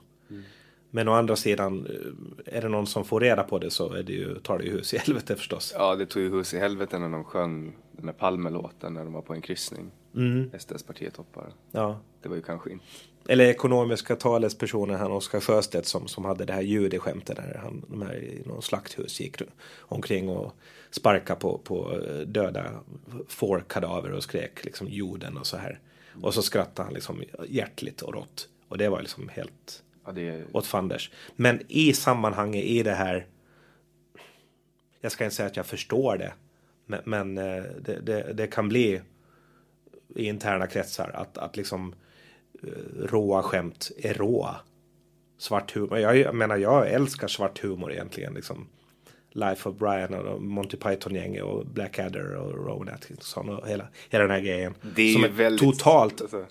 Oh, alltså det är så off, short, off the chart liksom. Alltså när jag tänker på black humor då tänker jag på typ Anthony Jeselnik som skojar om uh, Eric Claptons barn Alltså sån, det är såhär Rowan. Alltså. Ja, ja, ja, nej men jag är väl snäll, snäll black humor. sådär. Ja, den där grejen så, nej. det funkar inte för mig. Han har ju, han just Anthony Jeselnik, han har ju en grej om att han ska skoja om saker, tragedier samma dag som den händer. För han menar att just då är bästa dagen att skämta om det därför att då är the victims are busy doing victim shit. Säger han. Ja, ja. Det är ungefär som Alex Schulman, han hade också en, en bild på, på Instagram med, med, med den här Notre Dame och så skrev han äntligen på bilden. Det, tog inte heller, eller det blev inte heller sådär jätteuppskattat. Jag förstår inte. Va, va? ja, det är väl en, en referens till liksom, eh, Nobelpriset och så. Att liksom att någon Nobelpristagare, åh äntligen Daniel Daria Fu eller så här. Men att när, när Notre Dame brann här nu ungefär så skrev Jaha, han så här. Ja, okej då, då fattar jag. Mm. Då fattar jag. Ja, det nu skrattar jag spontant åt det tragiska i eh, skämtet. Alltså, det är ju den reaktionen. Ja, ja. Nu, nu fångar jag mig själv och skrattar åt att jag skrattar åt det. Mm, mm. Men, eh, men det, det är ju det som är humor. Man skrattar ju åt saker som är ehm, Alltså ofta, tra- det finns ju till och med ett ord, tragikomik. Eh, tragiska händer, det är alltså enda ventilen för, för människan är att, att liksom någonting är så surrealistiskt att man inte, alltså som människor som, eh, alltså det händer någonting, alltså folk, folk skämtar om Apollo eh, när den kraschar. och liksom 9-11 och, och de sakerna det, de skämten finns ju. De uppstår ju alltid. Det finns ju massa Estonia-skämt. Det finns ju massa eh, skämt om... om eh, Finns det det? Jag har aldrig hört ett Estonia-skämt. Det finns massor med Finns det Jag det? har hört, Okej. hört hur många som helst. Okej. Eh. Jag tänkte att det liksom, det blir alltid too soon med det. Egentligen. Men, Alltså, det är väl folk som... Jag följer många komiker. Och Eh, det här är ju en väldigt vanlig fråga att prata om. Att man, man, man pratar mycket om vad får man skämta om, vad får man inte skämta om. Och, och när får man skämta om saker. Men humor är ju ett verktyg för eh, att avreagera sig. Det är ju ett sätt att, att kunna hantera saker som man annars inte kan hantera. Eh, jag, jag kan ju tycka att saker, jag kan ju skratta åt saker privat som jag vet att man absolut inte får skratta åt. Och jag kan tänka mig att du också gör det någon gång. Eh, råkar skratta åt någonting och sen inser du att shit, det här kanske, kanske inte är så bra. Det är kanske ingenting man delar men nej, det är mera själv i så fall. Eh, Och jag tror att vi ålänningar överlag är, är ganska känsliga i grupp.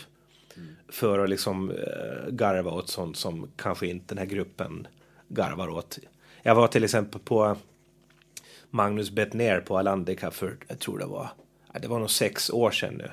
Det var knäpptyst genom hela showen. Det var liksom en gång som någon lite så här fnissade så. Men annars var det liksom feel bad humor hela vägen. Och jag undrar om han någonsin har haft en sån eh, tough crowd liksom. Och det, för det, det var liksom de- här du nämnde, jag har inte kollat upp dem, men jag kan tänka mig att de var många, många, många steg värre än så. Jag har ju till exempel en, en komiker som jag tänker på speciellt i Sverige. Alltså Magnus Bettner är ju, han är ju eh, väldigt sarkastisk och har mörk humor och bitter och så. Men sen finns också en kille som heter Aron Flam. Som skämtar mycket, han är jude och han skämtar väldigt mycket om det. Så han har ju liksom den här fördelen om att han får skämta om det. Så när han, om han skulle dra ett sånt skämt till exempel som, som du nämnde tidigare om, om att skämta på det sättet och, om judar, då är det ju okej. För att han har den bakgrunden. Eh, och det är ju ungefär som svarta som skämtar om svarta. De får ju göra det. Absolut. Vad är det som gör att, att om man tillhör den gruppen som gör att man får skämta om det, men om man inte gör det så blir det elitism. Det är ju ganska, jag förstår mig inte på den grejen. I botten handlar det väl liksom att, att alltid liksom sparka uppåt. Så. Om det är någon grupp som redan har det tufft och så kommer du från en privilegierad högre upp av olika anledningar så position och sparka på den gruppen. Då, då, då funkar det liksom helt enkelt inte. Men vem bestämmer vad som är privilegierat och vad som inte är privilegierat? Som om jag till exempel, om jag skulle fara till ett helt annat land där jag såg helt annorlunda ut, då skulle jag inte vara privilegierad. Nej, men å andra sidan så, så du kan tycka att, att skämt är jobbigt bara för att du är liksom lite generad och, och pinsam så. Men annars, eh, som exempel så, så har jag varit i, på eh, komediklubb i Manila. Det var liksom en av deras kändaste komiker som hade show där. Det var hans liksom jätteställe sådär också. Med, med typ 800 i publiken och sånt. Och hela showen handlar liksom om mig. så, och, och liksom fördomar kring, kring europeer. Liksom så ah, oh, ba, ba, ba, ba. Och de tyckte det var skitkul och liksom folk trillade av stolarna. Så. Men jag... Du kanske inte förstår den för att du inte är... Ja, han, jo, jo, han körde mycket, blandade in mycket engelska. Men, men det, det kunde jag liksom köpa ändå. Det var okej. Okay. Men jag för... tänker, vi vet ju inte vad de har för fördomar där. Om, om oss, europeer. Jo, men det, det lär man sig ganska fort när man åker till olika länder. Sådär. För det, det är ganska grunt så ofta. Liksom. Är, är det mycket som vi har mot andra? Är det samma röda tråd eller är det andra saker? Nej, det är ju andra saker. Ofta liksom eh, handlar det om att vi, vi är otroligt liksom, vi, vi har så mycket pengar och så, så rika. Och det är ju sant. Och, ja, överlag är det det. Men, men, men det är också en... Vi har också jäkligt mycket skulder och köper bilar och sådär ja. som vi inte borde göra. Och, och, så. Tror du att det alltid finns någon sanning i humor? Att det är det som gör att det blir roligt? Absolut. Jo, jo. Det är det som måste vara med där. Var går gränsen för vad man får skämta om? Då? Jag tycker det är tråkigt. Bara, bara en sån grej som man lär ut liksom på dagis. Att, att om du skämtar och någon blir ledsen. Så, så är det liksom. Så får du väl liksom. Eh, ta det till det. Att, att var, var det värt det liksom. Och ofta så är det inte det. Och det, be, det behöver, behöver bara vara liksom en, en ganska eh, oskyldigt skämt eller så här, som drabbar en person. Men om vi tar eh, Alex Schulman igen som vi pratade om tidigare när han pratade om liksom Anna Boks eh, korta tjocka fingrar. Så var det bara liksom elakt så. Och det, det, tyckte många var kul och han tyckte det var kul på den tiden men, men jag vet inte, var det värt det då? Mm. Ja, det fanns ju en tid som Filip och Fredriks gjorde tv på där de tog män på skrevet. Alltså de gick runt och antastade folk på stan. Ja. Och det tyckte man var kul då liksom. Skulle man göra det idag mm. så tror jag nog att det skulle bli väldigt mycket mera för att eh, men nu, nu har ju de totalt vänt sidan. Nu är ju de vänsterns apostlar. Ja, till och med Alex Schulman har ju liksom känns ganska vänster idag. Alltså det känns som att många svenska kändisar drar sig mot vänstern.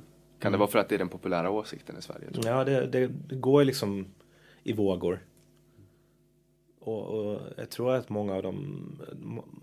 Eller om det blir en sån här... Tidigare har man sagt liksom att alla är radikala och vänster när de är unga och sen liksom blir de kloka och så växer de upp och så blir de borgare ungefär. Men nu känns det nästan tvärtom. Att det är en gymnasie och här så går folk liksom med kotlettfrisyrer och liksom drömmer om en karriär som lob lobbyister i Bryssel. Men, men sen liksom när de har skaffat barn och sådär så kanske det blir liksom mer socialt patos. Mm. Så desto mindre touch med verkligheten man har, desto mer vänster blir man? Ja, eller ju mera du, du, är i kontakt med din egen verklighet, i din egen lilla bubbla och du ser liksom hur det påverkar dig själv och, och i din närhet liksom på riktigt. Ego, så rent egoistiskt? Nej, men att eh, du vet på riktigt hur, hur, hur det är på ett eh, dagis eller skola eller vårdhem eller när, när någon får fel vård eller blir dåligt behandlad och sådär. Så att du får en, en tanke och en, en vision av, av vad, hur det kanske borde vara. Att som inte bara teoretisk. Så. Vad var det som gjorde att du drogs till socialdemokratin? Eh, jag jobbade 15 år på radio, public service. Och, och och det finns någonting i public service och, och, vanlig journalistik som är ganska... Jag ska inte säga... Det är inte vänster så. Men... Eh, en, en, ett sökande efter någon sorts så här, vad är, vad är sanningen? Man ska alltid ha ett, ett liksom perspektiv från den andra sidan och gärna den svaga och gärna den som blir utsatt eller gärna den här som inte annat ha, har en röst. Så att, att public service och journalistik så här, kan ofta vara, ha en sån här väldigt stark utjämnande effekt. Och det är egentligen vänsterpolitik för mig. Tror du att det kan vara på grund av att det är vänstern som har instiftat public service, att det är därför eh, public service påminner om vänstern? Kan det ha med det att göra? Mm, egentligen inte, för det, det ser liksom likadant ut i, i, USA eller England också. När man pratar om public service, radio och tv så, så är det liksom samma tankar ändå. Tycker du att public service ska finnas kvar? Absolut. Vad har public service för roll i samhället? På Åland? Ja, på Åland. Specifikt på Åland. Vi har ju två stora, hyfsat stora, starka tidningar, men det är ju ändå en ägare. Även om den ägaren inte bryr sig mycket, så mycket om vad som skrivs och så. Men eh, det är en bra garant för att det ska bli oberoende journalistik. Och jag tror att de andra... Privat, det privata sektorn sköter det ju riktigt bra där. Ja, men de, de, varför de sköter sig så kan vara lite grann beroende av att de vet att uh, public service finns. eller, eller så är det för att han är sosse. Han vi pratar om. ja.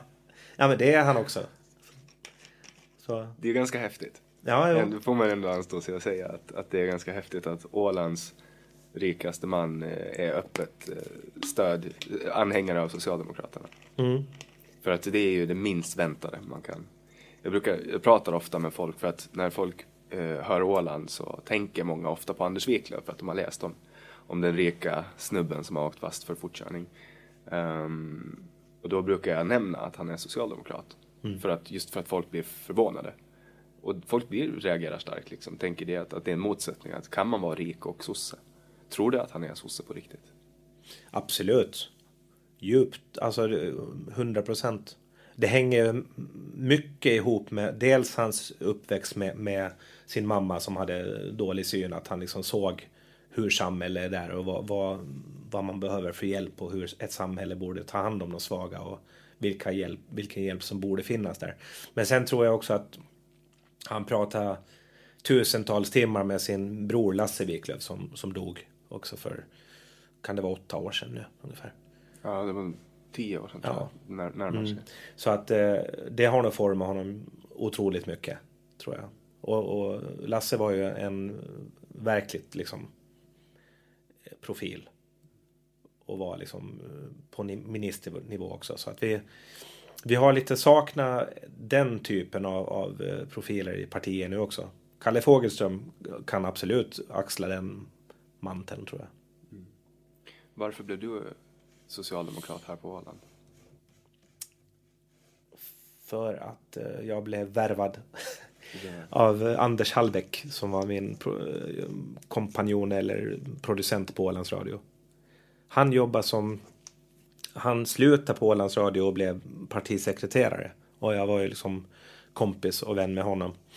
Eh, och eh, det var en, en del av orsaken.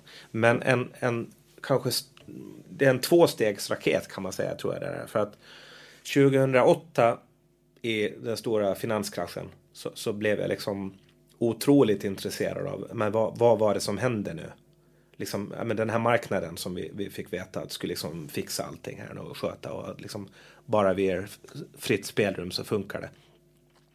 Så jag jag läste och tittade på oerhört mycket liksom, dokumentärer, program och intervjuer kring liksom, finanskrisen och, och allt som följde. Och det formar mig nog liksom lite grann till att, ja, men hur, hur vill vi att det här ska fungera liksom? Och vart, vart bär det av om vi liksom har att kapitalismen är det som får liksom råda. Inte heller då att jag tänkte, jag som motpart behöver liksom socialism men, men det är klart att jag börjar liksom mera mer be bekanta mig med liksom renodlad social, socialism också. Att aha, men vad är det här då? Och vad är det och vad är det och det? Så att veta liksom lite var man står. Är du socialist? Nej, men eh, eh jag är liksom inte för för att man ska liksom använda någon, någon typ av, av våld eller liksom slå folk i huvudet så att, att det blir eh, att införa socialism kan vara oerhört våldsamt och smärtsamt för, för de situationer som, alltså, eller så som samhället är uppbyggt idag. Ja, alltså för Men, de som inte är socialister är det ju klassiskt sett eh, död eller våld som våld och död som, som står på agendan liksom. För, för socialister? Nej, alltså för de som inte är socialister under en socialistisk revolution så är det ju Ja, död, ja, ja. Död jo, som... om man vill ha det nästa vecka. Ja. Men om man tänker sig att eh, vi vill ha ett socialistiskt samhälle om eh, 62 år. Då behöver det inte alls vara smärtsamt. Utan det är liksom bara, ja men här bygger vi ut lite bibliotekets tjänster. Ja men här tar vi och, och eh, utökar den här socialvården och psykiatrin och så. Ja men här har vi lite delningsekonomi och så. Ja men hur bor vi då? Ska alla verkligen ha e- ett, en egen villa? Ja men ni får ha det om ni vill men vi ger det här alternativet också och ni kan dela på bilar och så här. Att man ger möjligheter och låter folk göra smarta och kloka val som liksom ger dem mera frihet egentligen. Jag tycker det är det som är egentligen möts högern och vänstern där. Att grunden ska ju vara att liksom inte jobba livet ur oss utan det är att jobba så lite som möjligt och, och ha så roligt och, och, fritt som möjligt. Så att vi kan dansa och sjunga och prata med varandra och ägna oss och, och måla och, och umgås. Liksom. Det låter ju väldigt mysigt. Ja.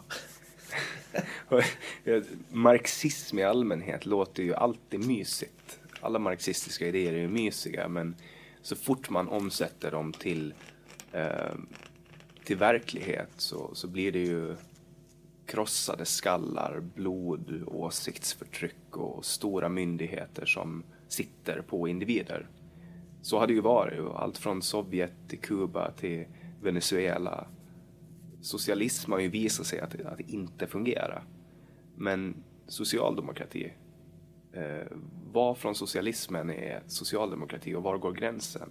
Var, kan man vara socialdemokrat och inte socialist? Eller måste man vara socialist för att vara socialdemokrat?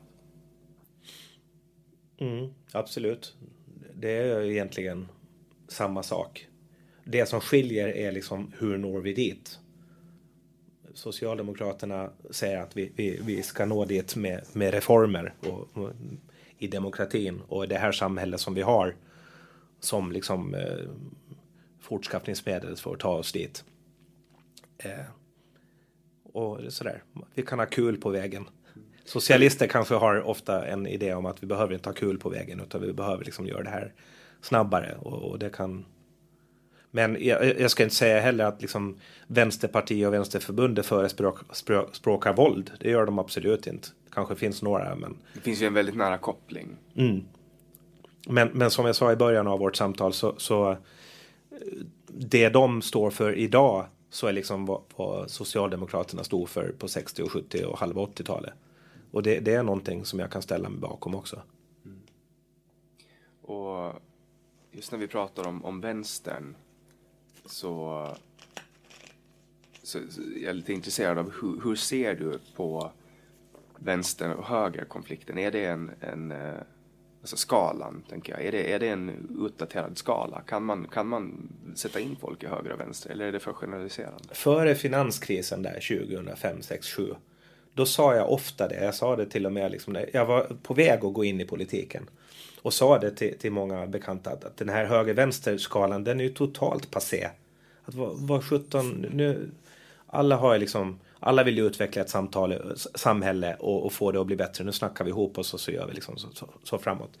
Men efter det och efter den här Tangan-skalan med, med, med liksom eh, mera auktoritära krafter och alt-right och det här så känner jag ändå att, att det finns både med, med liksom människors lika värde och, och, och det, den skalan och skillnad, skiljelinjen. Men också den här gamla dammiga skiljelinjen liksom mellan individen, jag ska ha det bättre och, och jag ska ha frihet och, och jag, min familj ska ha alla friheter. Kontra vad är bra för alla.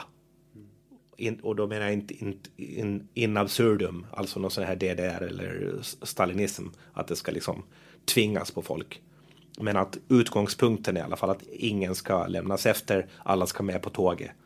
Och, och, och det som är en sån här grundtanke. Och det, den, det här jag eller alla vi. Det, det finns liksom en sån här ravin däremellan nu. Tyvärr. Är du kollektivist eller individualist? Både och väldigt mycket egentligen. Hur får du det att gå ihop? Eh, jag tycker att det är okej. Okay. Jag tycker det, alltså det finns de som säger att du måste leva som du lär. Annars är du en hycklare, annars kan du liksom inte stå och, och tycka saker. Och eftersom eh, till exempel jag tycker om att resa och min, min pappa bor på andra sidan jorden just nu och jag eh, åker och hälsar på honom så flyger jag väldigt mycket. Och då har jag inte liksom stått på barrikaderna och i klimatfrågan egentligen heller. Eh, eller skriver någon insändare eller håller något tal kring det. Däremot så, så håller jag med alla forskare som, som ser klimatkrisen och jag kan eh, följa med och den här nya strömningen. För jag, jag ser liksom att det, det kommer något gott ur det ändå. Att, att liksom vill de, vill, vill politiker i framtiden lägga band på, på mitt beteende som jag har nu och se till att, att jag flyger mycket mindre så det är fine liksom. Även om jag liksom som individ tycker att det liksom är skitjobbigt. Det är spännande det här med, med hyckleri. För att hyckleri har ju klassiskt sett varit väldigt fult. Men nu känns det som att man, känns åtminstone för mig som att man, folk i allmänhet kommer undan med hyckleri. Alltså man ser ju hyckleri överallt men det är som att folk inte bryr sig längre för att det är så vanligt. Mm. Förut så fick ju folk avgå om det uppdagades att man sa en sak och gjorde en annan. Alltså som en sosse som skattefuska till exempel. Det var ju Mona Sahlin-skandalen. Mm. Alltså allt det. Hon var ju sosse och sa att det var coolt att betala skatt och sen skattefuskade hon själv. Uh, det var ju typ det värsta som kunde hända förut. Men nu känns det som att, all, att folk kommer undan med det. Känner mm. du också att det har blivit lite så? Ja, absolut. Och det där som vi sa med Trump också om, om uh, Wikileaks, det är ju också ett så här paradexempel. Ja, han hycklar att... ju hur mycket som helst mm. liksom. Det, det, känns som att, det är, bara, det är bara känslan, och det är väl också Facebook, alltså, okej, okay, man, man, kan ändra åsikt. Men, men, typ som när Åsa Romson och, och hon, hon, hon, är väl typ, hon har ju visserligen, hon är ju inte kvar nu i Miljöpartiet, men Gustaf Fridolin flög från Bromma till Arlanda och han var den som ville införa flygskatt och, och sådana grejer. Mm. Um, politiker och hyckleri. Uh, det är ingen som bryr sig egentligen om, om folk när, när folk i privata sektorn hycklar. Där får man ju hyckla hur mycket som helst, för där vet man vad, vad drivkraften är. Men, men det känns, det, jag tycker det är spännande den här förskjutningen som har blivit i debatten. Nu är det ju mest, nu kan ju folk till och med åka fast för olagligheter och få fortsätta. Alltså som, alltså folk överlever politiska skandaler. Det är det jag försöker komma fram till. Folk överlever politiska skandaler idag som var omöjliga att mm. överleva förut. Som i Sverige och Transportstyrelsen.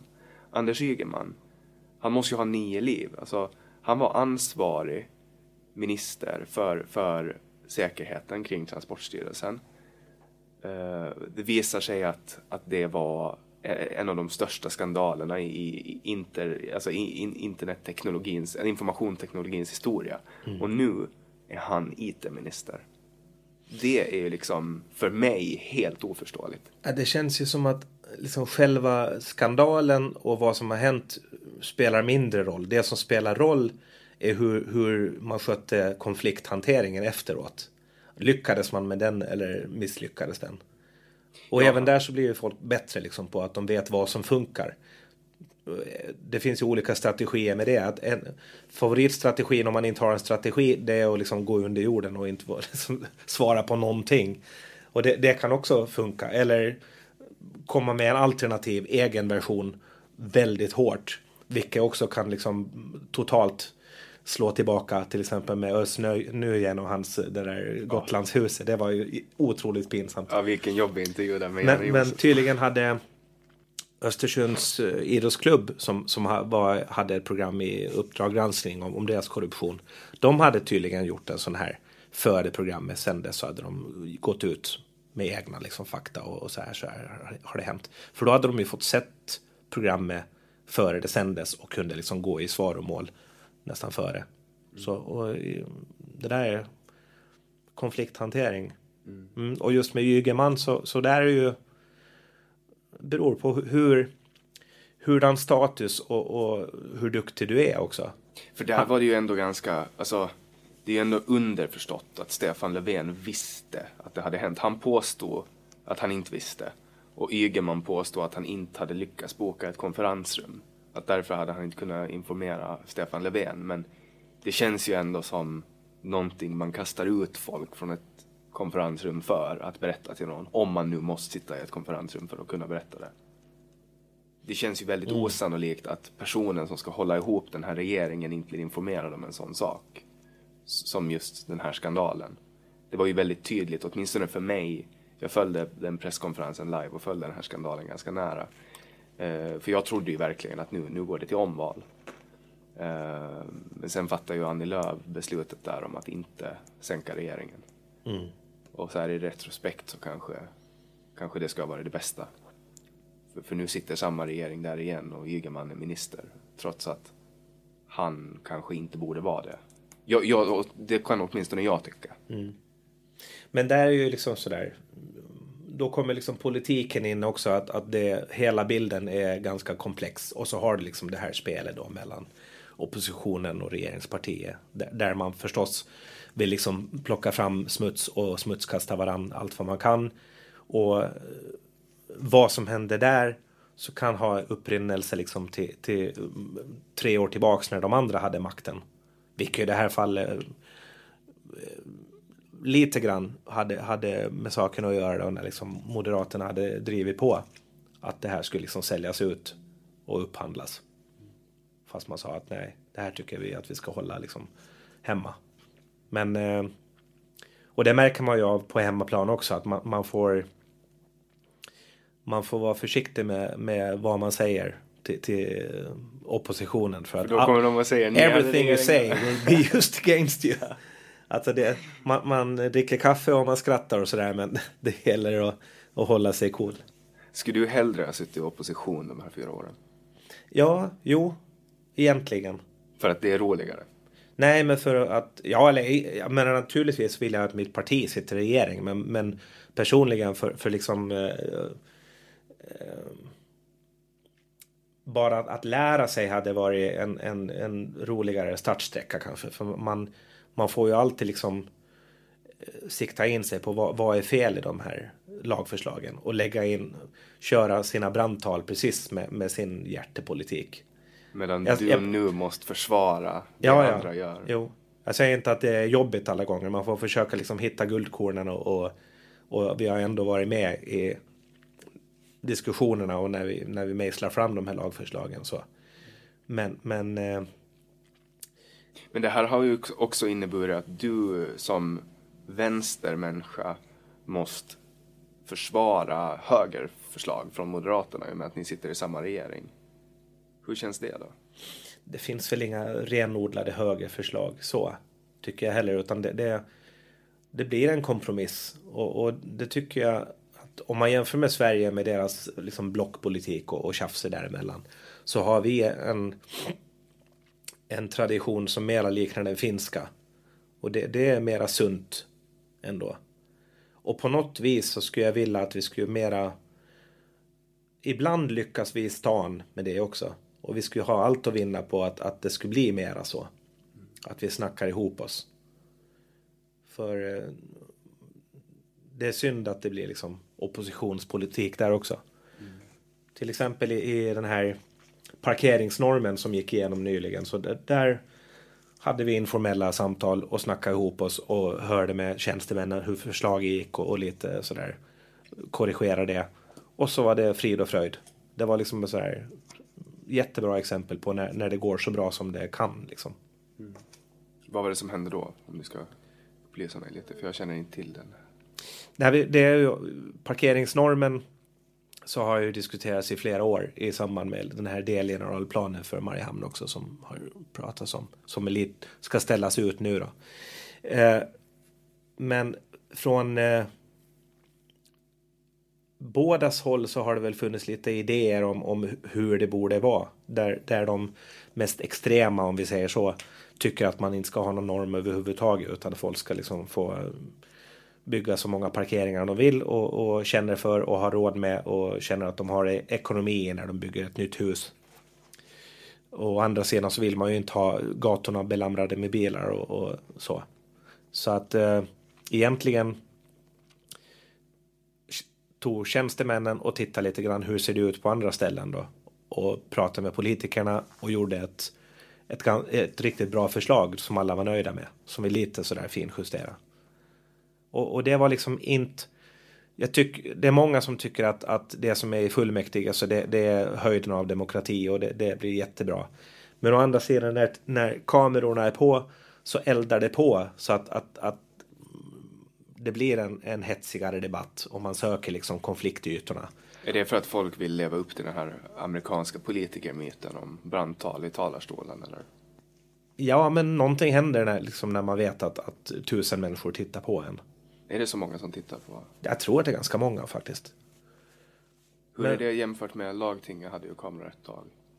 Mm, det kommer igen här nu också. De har installerat kameror färdigt. Så att det är sådana här robotsystem som kommer att sikta in sig på just den som pratar. Och det kan bli bra, men det är inte liksom helt av, av godo heller. För det kan ju bli som i stadsfullmäktige i värsta fall. Och redan nu så går det ganska elakt till. Hur, hur klarar du av att, att skilja liksom från plenisalen? Du bråkar med någon. Kan du bråka med någon i plenisalen och sen gå ut och dricka kaffe med dem? Uh, inte riktigt sådär bra som andra. Det, det, det är ju så man gör. Och, och prata kanske lite väder och, och, och, vissa grejer. Men jag har nog en, en sådär liten tagg i hjärta och, och klump i magen fortfarande. Jag har Vem? svårt att släppa det där lika bra som många andra garvade rävar. Vem är din antagonist i plenisalen? Ja... Någon nemesis som du har som du bråkar med extra mycket? Eh, jag och Harry Jansson har inte varit så jättekompisar på sistone. Men, men jag kan ändå respektera honom på det viset att han, han är ju otroligt kunnig i sitt, han är ordförande i lag och kulturutskottet också. Så att det, det driver ju framåt liksom, det arbetet ändå. Men när ni är på jobb då, då är det ju ert jobb att bråka egentligen. Mm. Ja, ja. Det ska ju inte vara friktionsfritt i plenisalen. Nej, nej, och jag vet inte hur det är liksom i, ja, i Sverige och, och, USA och sånt. Där tror jag de, de undviker varandra ganska långt tror jag. Finns det, finns det någon du undviker här på Arlanda? Egentligen inte. Det kanske är lite för litet för att kunna undvika ja. Utskottsarbeten. Nej, men så, som till exempel Stefan Toivonen pratar jag ganska mycket med. Det är helt okej. Okay. Mm. Kände du så i början också? Nej, då, då tyckte jag det var jobbigt. Vad fick dig att ändra dig?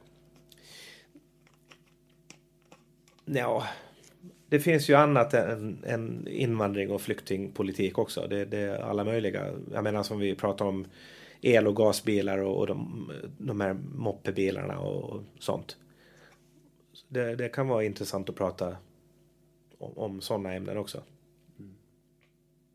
Så utanför den här en, enfrågepolitiken så finns det ändå en, en politiker? Ja, ja. Absolut. Så man, man väljer ju de ämnena i så fall. Hur tror du att det kommer att gå för Ålands demokrati? Jag gissar att de stampar på ställe. För Kollar man på trenderna både i Sverige och Finland så har det gått väldigt bra för, för deras eh, motsvarigheter. Mm. Vad, vad får dig att tro att det inte skulle peka på Åland också? För det första så, så, finns det liksom ingen annan självlysande stjärna vid sidan av Stefan Toivonen. Och, och jag tycker inte att han är sådär jättelysande heller. Han är ganska smart och, och har blivit bättre på att prata men, men inte han är en superstar när det gäller att hålla anföranden och, och liksom vara skarp i politiken. Så. Och han har liksom ingen som har han, han har sagt att han ska ta och presentera någon kandidater så småningom. Men jag ser ingen som kan liksom vara riktigt så här eh, vid hans sida. Just nu. För det, det, det, det kräver ju en hel del också av den personen. För att det jag ska inte, inte att det finns liksom någon vänstersvans och hat så, men, men Åland är ganska litet ändå. Och jag, jag ser ändå att, och de flesta tycker att, att vi är vi sköter integrationen hyfsat bra. Och invandringen och fly, kvotflyktingmängden är, är liksom på en totalt hanterbar nivå. Att det, det har gått ganska bra. Och ja, det, det finns liksom... ju kanske inte så mycket hot på Åland, hotbild som man... I Sverige är det ju ganska lätt för, för Sverigedemokraterna att, att måla upp den här bilden. Mm. Liksom. För där ser ju folk uh, att det händer saker. Ja. Här uh, märks det ju inte. Mm. Om det kommer hit 20 flyktingar så sugs de upp så snabbt att mm. blandas ut i mängden så att det märks inte. Ja. Och ändå bygger du liksom din politik på det där och ska liksom säga någonting kontroversiellt. Så är Åland så litet ändå. Så du måste liksom peka ut den där lilla, lilla gruppen då. Som det ändå går bra för. Och det är ju inte schysst. Och det tycker ju inte ålänningarna är schysst heller. Så där, där har de sin utmaning. att som, hur, hur föra en sån politik när, när, när liksom allt går ganska bra och man, man eh, liksom sårar folk. Han fick ju väldigt många röster. Mm. 340 röster. Ja. Så det gick, ju, det gick ju väldigt bra. Det ska bli intressant att se hur, hur, hur det utvecklar sig. Mm. Um, men om vi ska gå in lite personligt då. Mm. Uh, jag tänker speciellt på, på saker som man kanske inte vet om, om Tony Wikström. Jag såg en film på dig på Facebook där du spelar musik med lite intressanta personer. Mm. Du kanske vet vad jag tänker på? Ja, jag spelar med massor av människor. Du spelar, var det med Glenn Hughes kanske? Uh, Jolin Turner. Jolin Turner. Ja, från Rainbow, Deep Purple. Ja. ja. Hur kommer det sig? Vi har ju haft liksom 35, nej långt över 40 människor med i Soundway på, på 30 år nu. Och under en tid så, så var det Nikolo Kotsev som var gitarrist. Som har liksom enorma personliga projekt med skivor och, och tog, flög in de här stjärnorna från Rainbow, Deep Purple och var med på hans skivor. Och då under en sån här session när, när Jolin Turner var på Åland och spelade in så kom, jag vet inte vem som kom på idén eller förfrågan kom att men vi gör en miniturné i Sverige och Åland också med det. Och det var ju skitballt. Men, men det är liksom det var bra musik men det är inte riktigt min påse te så att det liksom ingenting jag hade liksom i ryggraden heller. Så jag fick liksom öva in 17 nya låtar på två dagar så det var liksom hård träning. Så du har turnerat med en av världens kändaste gitarrister egentligen? Ja, eller sångare. Sångare, ja. förlåt. Mm. Ja, men det, det, var... är ju, det, är ju, det är ju en ganska stor grej för, för en ålänning, tänker jag. Känner du att du är tillräckligt känd för de sakerna eller är du mest känd som politiker? jag är nog mest känd eh, som politiker och kanske bredden så att jag har hållit på med så mycket. Allt ifrån liksom smörigaste dansband på Dansens vänner på Högtomt i Östra Saltvik mm. till, till liksom det där eller eh, liksom Top 40 på, på Arkens nattgolv. Och ja, det är ju väldigt många ålänningar som troligtvis har dansat till din musik utan att ens veta om det. Mm. Som har varit för upptagna med annat. Absolut. För att notera vem som står på scenen klockan fyra och sjunger. Ja, ja. Eller visst brukar du brukar sjunga och spela bas va? Ja, jo, jo. Från uh, år 2000 till 2010 ungefär så var jag liksom ett decennium så var jag ju liksom egentligen ensam diskjockey på Arken också och jobba ibland fem, sex dagar i veckan. Så det var liksom, det var mitt liv ett helt decennium. Så jag räknar liksom att det var över 3000 DJ-gigs. Vilket inte folk heller tänker och, och som på. Och som du sa, att, att man har säkert varit där på krogen på, på den tiden. Men kanske inte tänkte på vem, vem som lirar liksom. Tänk hur många relationer du har startat för att någon har connectat under någon låt. Ja, men eller hur. Sådana häftiga saker. Ja. Många barn går runt tack vare att du har varit diskjockey. Ja, ja. Och jag, jag, tror att vissa grejer som jag gjorde så kanske liksom har, har lite, lite bidragit till det. För att det var ju just i 2005, 8, 9 så, så, så var det ju liksom ganska eh, ute att spela lugna låtar i slutet på en kväll på ett disco. Det är liksom bara ösa på och sen bara pff, ta, tack så mycket. Men jag körde liksom alltid två lugna på slutet. Så ändå. Och det, det, var, då det hände. Det ja men nu- folk måste ju liksom få ligga, tänkte jag. Vilken är din favorittryckare då? Genom tiderna? Jag körde egentligen Purple Rain i flera år. För jag tycker att den, dels är den åtta minuter och sju sekunder lång så det, det, det är perfekt, då vet man liksom där. Men, men eh, den, den är bra. Den håller fortfarande. Så hur, hur har det varit nu när du har varit lagtingsledamot? Har du fortfarande spelat på Arken? Eh, på somrarna och kring julen då med mitt band. Så eh, det har varit det. Men, men jag tänkte väl när jag gick in i politiken att jag skulle spela lite mer än vad jag har gjort. Och det, det, det har varit lite tråkigt ändå. För jag känner att det, det är en sån viktig bit och jag mår så bra av det. Och det är väl också en, en bidragande orsak då att jag går tillbaks nu ett tag. Så nu kommer du att få spela och sjunga på Rosella? Ja, Och det är gamla, gamla svenska klassiker från olika dansband, bland annat. Ja, det är ju jätteblandad publik. Så, så att man kan ju liksom bygga upp det lite hur man vill. Så. Jag tycker countrymusik är ganska nice sådär generellt. För det, det, det funkar liksom för alla åldrar. Plus att det är kul att introducera liksom låtar som jag tycker är bra för andra människor som kanske aldrig har hört dem där. Och sen leker jag lite med tanken att börja skriva lite egna visor och så här också. För man har, man har ju liksom de sitter där på den här båten och har ingenstans att ta vägen. De, så att Ja, de, de har inget val att lyssna på mitt nya alster. Så att, kul att göra något sånt där. ja, du, du får ju reaktionen direkt. Ja, eller hur? Och ingenstans kan de ta vägen. Nej, det ska vara skoj. Om du måste eh, toppa de tre bästa banden i världshistorien, vilka skulle du toppa då? Ja, det är antagligen för att man har varit musiker så länge så, så har man liksom...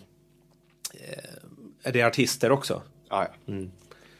så har man liksom tänkt i, i eh, musikalitet och liksom låtkvalitet och hur, hur, liksom, hur snyggt den är inspelad. Så att då tycker jag liksom... Jag, jag kan inte spela honom mera och jag kan inte liksom med Soundway eller, eller annat också. Michael Jackson. Jag kan, jag kan liksom inte spela hans grejer längre. På grund, Det- det av, på grund ja. av hans barn? Ja, eller den här dokumentären och sådär. Det, det, han är liksom gone. Men, men musiken är helt bländande och fantastisk och liksom har följt med ända sedan jag var liksom började med musik. Och sen eh, Toto som var här i, i somras så är liksom en sån här musikerstandard ungefär. Lite sådär med, med studiomusiker och bra coola låtar liksom och, och som är liksom exemplariskt spelade liksom. Och samma egentligen grej är det med Eagles som jag också tycker liksom är, är millimeter precision och perfektionister med ändå liksom superenkel musik. Det är ofta country och, och så. Med, Fyra ackord. Ja. Ska du kolla på dem i sommar i Stockholm? ja. Du då? Ja, självklart. Ja. Men om- 8 juni. Ja, det är helt sanslöst. Vilken sommar. Mm. Vilken sommar det blir. Och det är ju helt underbart att bo på Åland också. Eh, för man kan åka både till Helsingfors och till Stockholm friktionsfritt och, och kolla på konserter. Mm, det är perfekt. Men om, om vi säger så här då, vi tar en liten annan vinkel på frågan. Om du skulle vara artistbokare till Röster för Östersjön och du hade no limit budget och möjligheten att återuppliva. Vem skulle du boka då om du fick boka tre akter? Oh. Tre akter. Eller någonting som finns nu också. Ja, men då, då sätter man ju liksom... Då sätter man ABBA som final. Och så har man... Eh, eh, så har man James Brown där i mitten. Och uppvärmning av Beatles. Liksom sån här 50-talssnitt. Uppvärmning av Beatles. Ja. Nu tog du mig rakt i hjärtat. Nu, nu, nu blir jag kränkt. Av allt du har sagt Ja.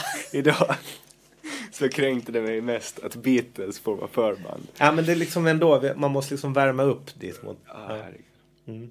Jag ska ju sätta jag skulle ju sätta Pink Floyd, Fleetwood Mac och Beatles. Eh, men Beatles skulle inte vara förband. Nej. De skulle vara huvudakten. Ja. Fleetwood Mac skulle vara förband. Nej, det, det är bra förband. Så. Ja, det är ju väldigt bra musik också. Och så skulle jag, eller om vi byter ut ABBA mot ett eh, sån här Queen med extra allt. Som fu- full symfoniorkester och, och, och kör och, och ru- rubbet. De skulle få vara hissmusik. Ja. Bakgrundsmusiken. Men om vi, om vi ska snurra tillbaks till, till grunden av varför vi har det här samtalet så vi är, ju, vi är ju här idag för att försöka minska på polarisering och förhoppningsvis, vår förhoppning är i alla fall att, att folk ska lyssna på det här samtalet, eh, folk som verkligen inte håller med dig och eh, kanske få ut någonting av det. Och, och jag kan ju bara personligen eh, känna att jag kan gå in i det här samtalet och även om vi, vi har ju en historik av att ryka ihop på Facebook, vi har gjort det ett antal gånger genom åren. Eh, så tycker jag att jag lär mig väldigt mycket av att, av att lyssna på dig därför att man vill ju inte erkänna det när man sitter där och bråkar på Facebook. Men vi tycker egentligen ganska mycket lika. För att när vi, när vi ryker ihop då pratar vi ofta om, om de sakerna som vi inte tycker lika. Och har man många diskussioner där man inte tycker lika då är det lätt att få uppfattningen av att man eh, inte tycker lika. Eh, allt i allt liksom. Men, men kokar man ner det här med polariseringen och med de här samtalen så tror vi att, att ett, ett samhälle blir bättre om alla samtalar. Så det jag vill fråga dig är vad tror du att du kan göra för att minska polariseringen? För att om vi utgår ifrån att du är en del av polariseringen, vad kan du göra för att minska polariseringen? Mm. Eh, jag försöker liksom hålla mig till fakta hela tiden. Gå tillbaka till liksom, vad, vad är fakta? Och sen ta in second opinions hela tiden. Eh, våran hyfsat nya partisekreterare till exempel i sossarna. Så hon har en akademisk bakgrund. Inte som politisk egentligen. Så att ofta så, så bollar jag texter och insändare med henne. Och hon, hon är direkt så här på att amen, det här, här, här skriver du folk på näsan. Det här, och det här tolkas som liksom lite sådär von oben eller, eller elakt eller sånt. Och då är det så här, oj, det tänkte jag inte ens på. Och så får jag liksom tänka en och två och tre varv på att ja, men, du har ju rätt. Så, så att jag tror att det, det Självkritik alltså. Ja, ja, och, och bolla med andra. Att, vad, vad tycker du om det här? För det... Ja. För det, för det är lätt att det blir liksom sådana här spiraler som liksom bara blir värre och värre och värre. Och eh, däremot så är det ju svårt när, när andra säger något giftigt och tufft. Då, då, då kommer liksom den där reptilhjärnan tillbaks igen och reflexen liksom att, att ge igen och försöka liksom stå emot den impulsen. Så det, det är inte så himla lätt. Men det finns ju vissa sådana där punkter som man kan ha och tänka på. Liksom. Att det där med ungefär som Michelle Obama, liksom. When they go low, we go high. Att man behöver inte vinna. When they go gånger. low, we get high. Ja. Han har, väl, han har väl varit öppen med det, Obama, om att han, att han rökte cannabis när han var ung. ja, ja. Men det blev, inga, det blev ingen ramaskri av det. Som Nej, med, med Bill Clinton. Nej, Bill Clinton, han, har ju, han var ju en skandalmakare av rang. Ja. Och det var mycket som han gjorde som nu lite kommer fram så. Men eftersom det är så polariserat så är det svårt att liksom tolka vad, vad är sant och vad är propaganda och vad är liksom så. Och det är lite synd för att jag menar som jag skulle ju gärna se en, en sån här Michael Moore-film om, om Clintons liksom. Jag läste, jag läste hans bok i vintras. Och den var plattare än vad jag trodde. Det, jag tror att det antagligen var för att han skrev den själv. Ja, ja. Och, och utan att ta in någons... Alltså ta in lite drama. Det var inte så dramatiskt.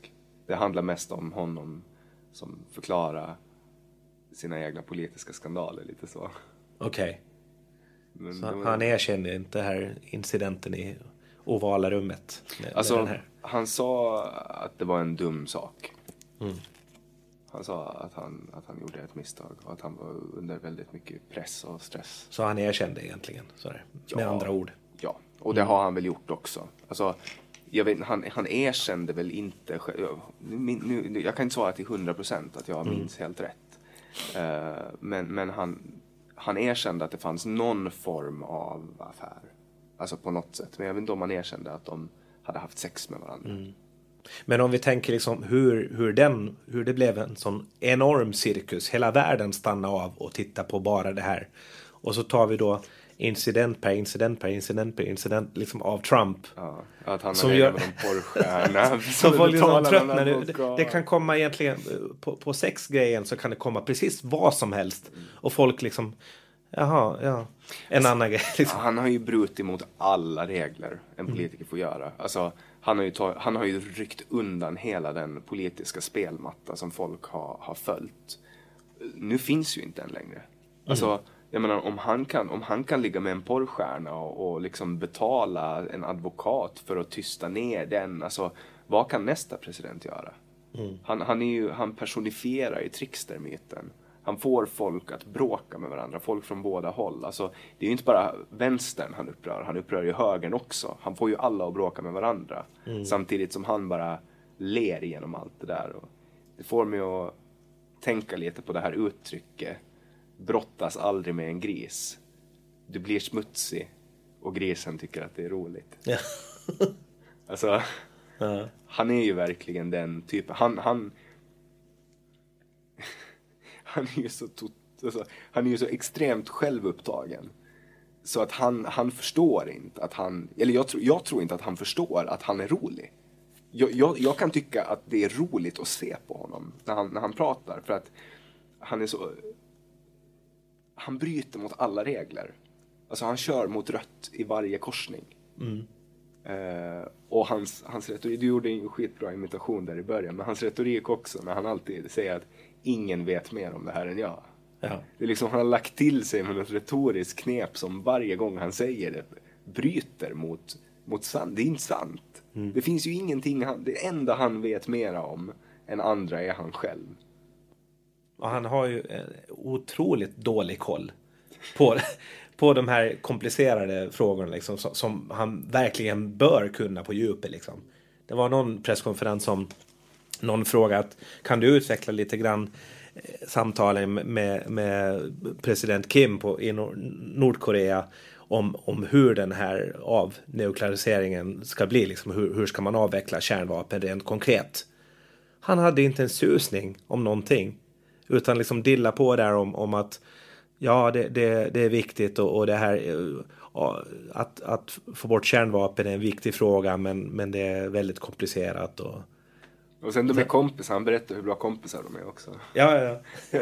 Jag har jättesvårt att se att de är kompisar.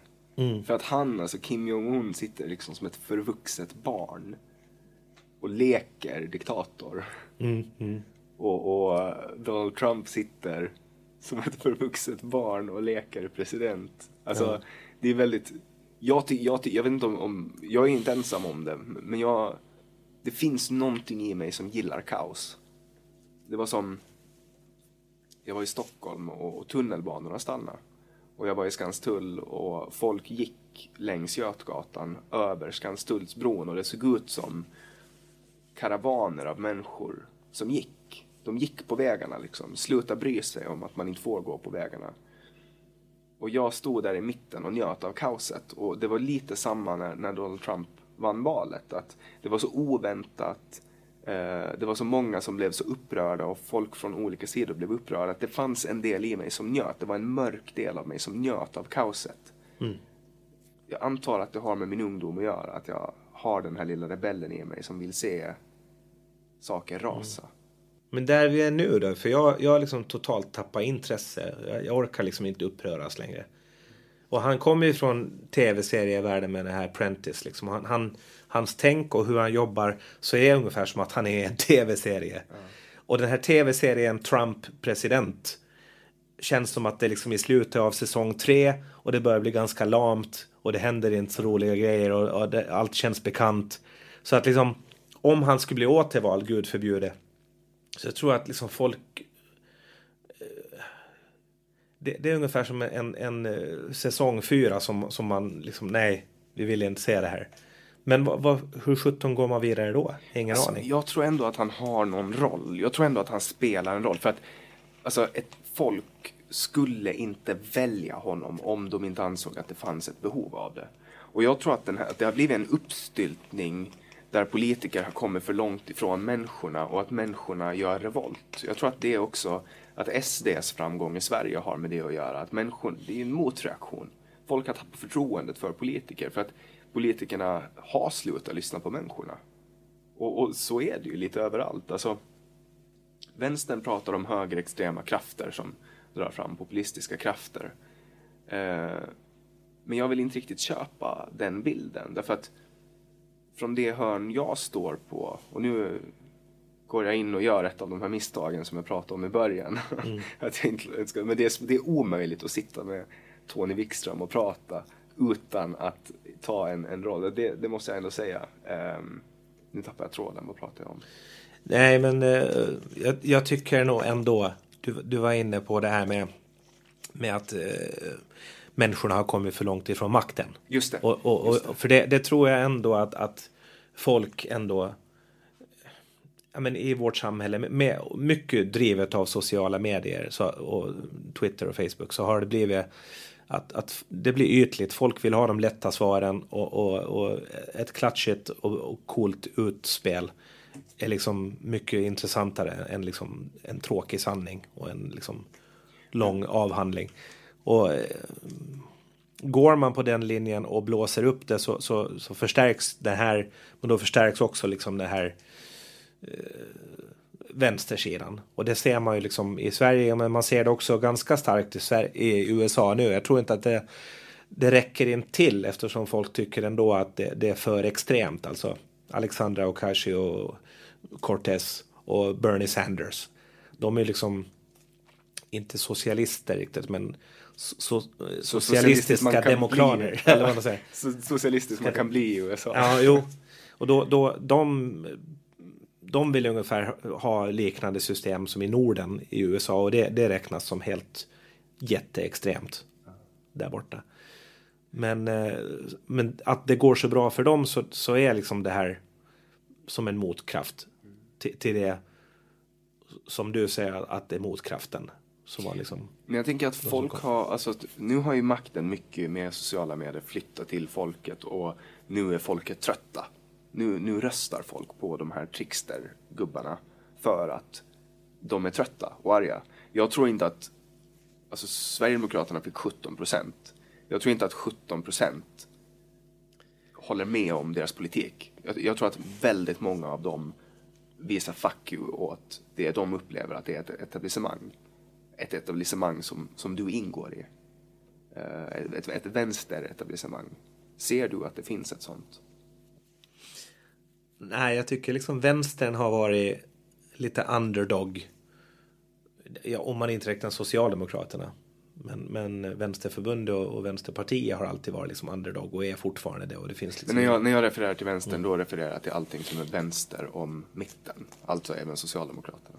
Mm. Bara för att klargöra det. Ja. Jag vet inte, jag, jag, jag, jag, kanske liksom lite har hamnat i den där bubblan också när jag via Nordiska rådet har umgåtts med ganska många riksdagsledamöter och vet liksom att de på riktigt tycker så här och att de på riktigt vill förbättra samhället med det och det och det och det reformer liksom. Eller om de har stora infrastruktursatsningar så är det liksom verkligen för att förbättra att, att det är liksom inte att berika sig och så här. Däremot så, så de som har varit med länge vet ju liksom hur spelet ska spelas och, och hur man får igenom någonting och, och, långsiktigt. Och det i sig så kan ju liksom egentligen uppfattas som lite pampigt och, och, och eh, som någon sorts elit som har den där kunskapen om hur saker och ting blir till. Men å andra sidan om, om det inte finns de som vet hur, hur allt blir, går till så snackas grej på grej sönder ungefär som att, att det är någon Facebook-tråd. Så det, du når liksom ingen konsensus överhuvudtaget. Vi hamnade i en Facebook-tråd eh, där det var en person som, ja, jag, nämnde, jag refererade till det tidigare, vi pratade om det. Och då hamnar just vi och pratar om, om den här etablissemangsgrejen. Eller han pratar väldigt mycket om den etablissemangsgrejen. Eh, och väldigt många menar att det finns en elit av människor som bestämmer om det ska finnas en populär alltså som, som bestämmer att det finns en populär åsikt. Alltså, en del kallar den åsiktskorridoren, andra kallar den för etablissemanget och andra kallar den för PK-maffian. Men hur ser du på det? Jag är lite intresserad av att höra dig resonera kring PK-maffian, etablissemang och åsiktskorridoren. Jag tror liksom att det blir ett skällsord och, och jag tycker ändå att det man säger åsiktskorridor, PK-maffia, så eh, det kan snällt tolkas som att eh, vi vill ha en schysst nivå. Och är det inte en schysst nivå så säger vi till. Och de, när man säger till så, så kommer det emot då liksom. Att det, det, det är PK eller, eller en åsiktskorridor. Eftersom eh, speciellt om den åsikten som, som någon säger till om är lite kontroversiell så känns det liksom lite taskigt att, att bli liksom få ens kort avslöjade eller sådär. Eller byxorna neddragna. Eh, men eh, eh, det klassiska är väl det här med invandring och flyktingar och så som någonting som man inte får prata om och, i det här landet och det, det, det är hysch hysch så. Och sen så är det enda vi har pratat om i, i åtta år. Jag tycker att debatten främst har fokuserat på att man inte får prata om invandring. Alltså man har pratat mera om att man inte får prata om invandring än vad man har pratat om invandring. Eh, tyvärr, jo. Men, men eh, och, och, det ska sägas att, att det var ängsligt och det var i, i Sverige till exempel. Det var en sån här eh, rörelse, skräck för att röra. Liksom. Men, men eh, nu... Och det känns som att för att det var så så spelar det ingen roll om det, om det är på en vettig nivå nu. För att då var det dåligt ungefär, eller då var det så. Och det är lite synd. Det är ungefär som eh, att, ja men varför ska vi ta in så många invandrare och, och varför är reglerna som de är? Ja men hösten 2015 så nöp man ju av anhöriginvandring och, och id-kontroller och, och det liksom är murar i Sverige. Som var liksom diabole, eh, ganska tuffa. Tycker egentligen. du att det var bra att, att sossarna gjorde det? Inte kändes det, det liksom jättebra i magen men jag tyckte att liksom för det stora hela så var det man var tvungen att göra det. Och i den vevan så, så satt man ju liksom en press på EU egentligen också att nu måste vi ta ett gemensamt ansvar, vilket man inte gjorde egentligen. Mm. Just det. Nu har vi ju pratat om allt mellan himmel och jord, men vi har varit väldigt, väldigt lite inne på, på dig som person privat. Mm. Och jag märker att du har lite en mur. Vi pratade om det att du vill inte vara så privat, men om vi bara ska toucha lite på ytan. Eh, vad har du för rädslor?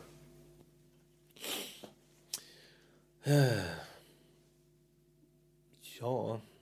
För de enda rädslorna som jag har lyckats mm. fånga upp är rädslan för vad samhället kan bli om, om, om de andra får, får styra. Det är det enda jag har lyckats identifiera under det här samtalet. Mm. Nej, men jag har ju... Eh, jag har brytt mig om andra ganska mycket i mitt liv och det, det trivs jag med. Liksom. Så att min min rädsla och tankar är väl liksom ofta med mina barn. så. Eller hur med att ha det här eh, byta jobb ganska ofta och, och, att det skiljer sig och, och så, så, så blir det också en, en liten stress och rädsla liksom också för det nya. för att jag har en rädsla liksom både i att, att saker och ting ändrar men en ännu större rädsla är att liksom stagnera och bli fast i någonting. Som är bara liksom så här halvdant eller så. Har du varit rädd för att inte komma in i lagtinget igen? Och det är därför du är... Eh, det är klart, det, det, tror jag alla politiker har en, en sån rädsla. Att liksom, tänk om man står där på valvakan och får åtta röster. Och det samma sak i, jag var aldrig liksom aktuellt att jag skulle ställa upp i riksdagsvalet. Men tanken har, har slagit mig att tänk om man skulle ha ställt upp och fått åtta röster. Det, det skulle vara väldigt jobbigt. Men eh, jag tycker inte fokus ska vara på det utan det är mer liksom vad man vill och vad man gör. Hur har det här politiska uppdraget påverkat dina barn? Då? Nu är de ganska okej okay med det. De vet ju att jag har en ny bana på gång också. Men eh, första året tyckte de nog att det var ganska jobbigt. Har de fått utstå saker som, som de varit... Ingenting som de har riktigt sagt åt mig så. Det är klart att, att, att vara sosse på Åland så är ganska laddat så. Du kan vara liberal eller centerpartist och det, det är ingen stor grej med det. Men, men socialdemokrat så har nog alltid haft en sån här laddning. Vad beror det på tror du? Det är ända, ända från, liksom, eller hänger ihop med liksom eh, Sovjet och hammaren och skären och allt det här. Men också historien ända tillbaks liksom. För att det från det att, att uh, självstyret sen tillkom så var liksom röda partierna för, för sig själva mot alla andra egentligen. Och på många sätt så är det liksom fortfarande så idag. Om du skulle få gå tillbaks och, och byta parti innan du gick med i Socialdemokraterna, skulle du göra det? Nej. För jag känner liksom att eh, grundideologin och tankarna så, så är sunda och bra. Händer det att du byter åsikt? Mm. Ja. Eller jag, jag, kan vara sådär ambivalent ibland att jag håller två åsikter liksom lite igång. Eller att jag har en åsikt, det kan bli så här men hade jag själv fått välja och, och bara knäppa mina fingrar så, så skulle jag vilja sätta en sån här utopi eller en sån vision. Det kan det absolut vara. Vad är ditt absolut bästa minne från den här lagtingsperioden? Jag skulle säga att Nordiska rådet har varit jättegivande. För det, det har... Åland är liksom en jämbördig part där också bland andra länder och andra partier. Det är liksom ingen som ser ner på Åland och ålänningar så att ja, men ni kommer från den här plutt, pluttön med 29 000 människor utan med, det är liksom på lika villkor.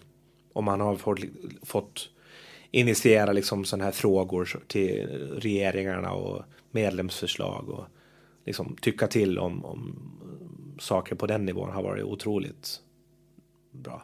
Och sen eh, liksom frammejslandet av lagförslag. Så det är väl ett lagarbete. Det är, det är inte så att om, om jag inte hade varit där så hade det blivit på ett annat sätt. Men, men man är ändå en, en kugge i att uh, gå framåt. Finns det någon lag som du har tagit initiativ till som idag finns lagstiftad och tillämpad? Nej, vi har ju liksom inte den eh, rollen egentligen som lagstiftare heller, utan vi får liksom på vårt bord från regeringen. Så. Skulle jag ha ställt upp i, i, i, höstens val så vet jag ju liksom hur systemet funkar lite grann mera. Och hade liksom i god tid fundera ut saker som jag tycker att ska finnas med i regeringsprogrammet och vi ska jobba för nästa mandatperiod. Så hade det varit superintressant och på ett helt annat sätt förstås. Eftersom jag liksom nästan kom in på ett bananskal och, och, inte hade riktigt funderat över de här bitarna. Jag visste ju var jag stod och så, men och jag visste inte heller mycket om hur det fungerar bakom kulisserna. Så att det hade varit superintressant. Vill du veta en rolig sak? Ja. Du och jag har exakt lika många människor som har röstat på oss. Ja. Och du har sett till lagtinget. jo, ja, men det gick ju så. så var det. Så var det. För det Ja, vi hade några röstmagneter. Liberalerna hade ett ganska jämnt fält. Jag tror att det kommer se hyfsat, eller inte, inte lika likadant, men, men mera lika i alla fall i år. Eftersom vi har några stycken som ligger där kring 100 röster. Sen tror jag ändå att, att uh, Nina och Camilla kommer att vara röstmagneter i år också. Mm. Men, men, men vi har, har ett ett större och jämnare fält uppåt i alla fall. Kommer Och samma med Liberalerna också, så det blir tufft. Kommer du att fortsätta vara aktiv inom Socialdemokraterna även fast du jobbar på det sällan? Ja, bakom kulisserna så. Eller på lediga veckor. För att jag tycker om att gå in i den här jobbbubblan och liksom bara koncentrera mig på det. För det, det känner jag också att, att jag mår inte bra av att vara liksom för splittrad så här heller. Och det, det går liksom inte att, att hänga på Facebook om, om, om du är på jobb. För då, då är liksom din hjärna där.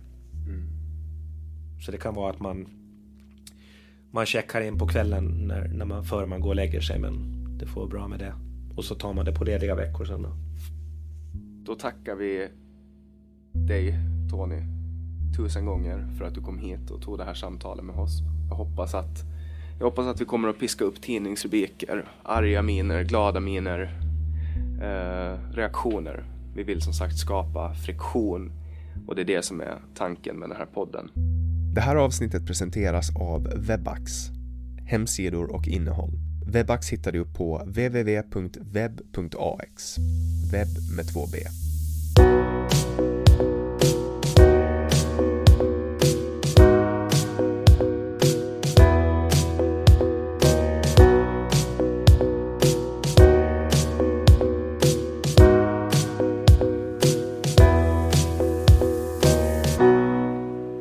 Annik Svensson, producent för det här avsnittet var Didrik Svan. Du lyssnar på Säg vad du vill Åland.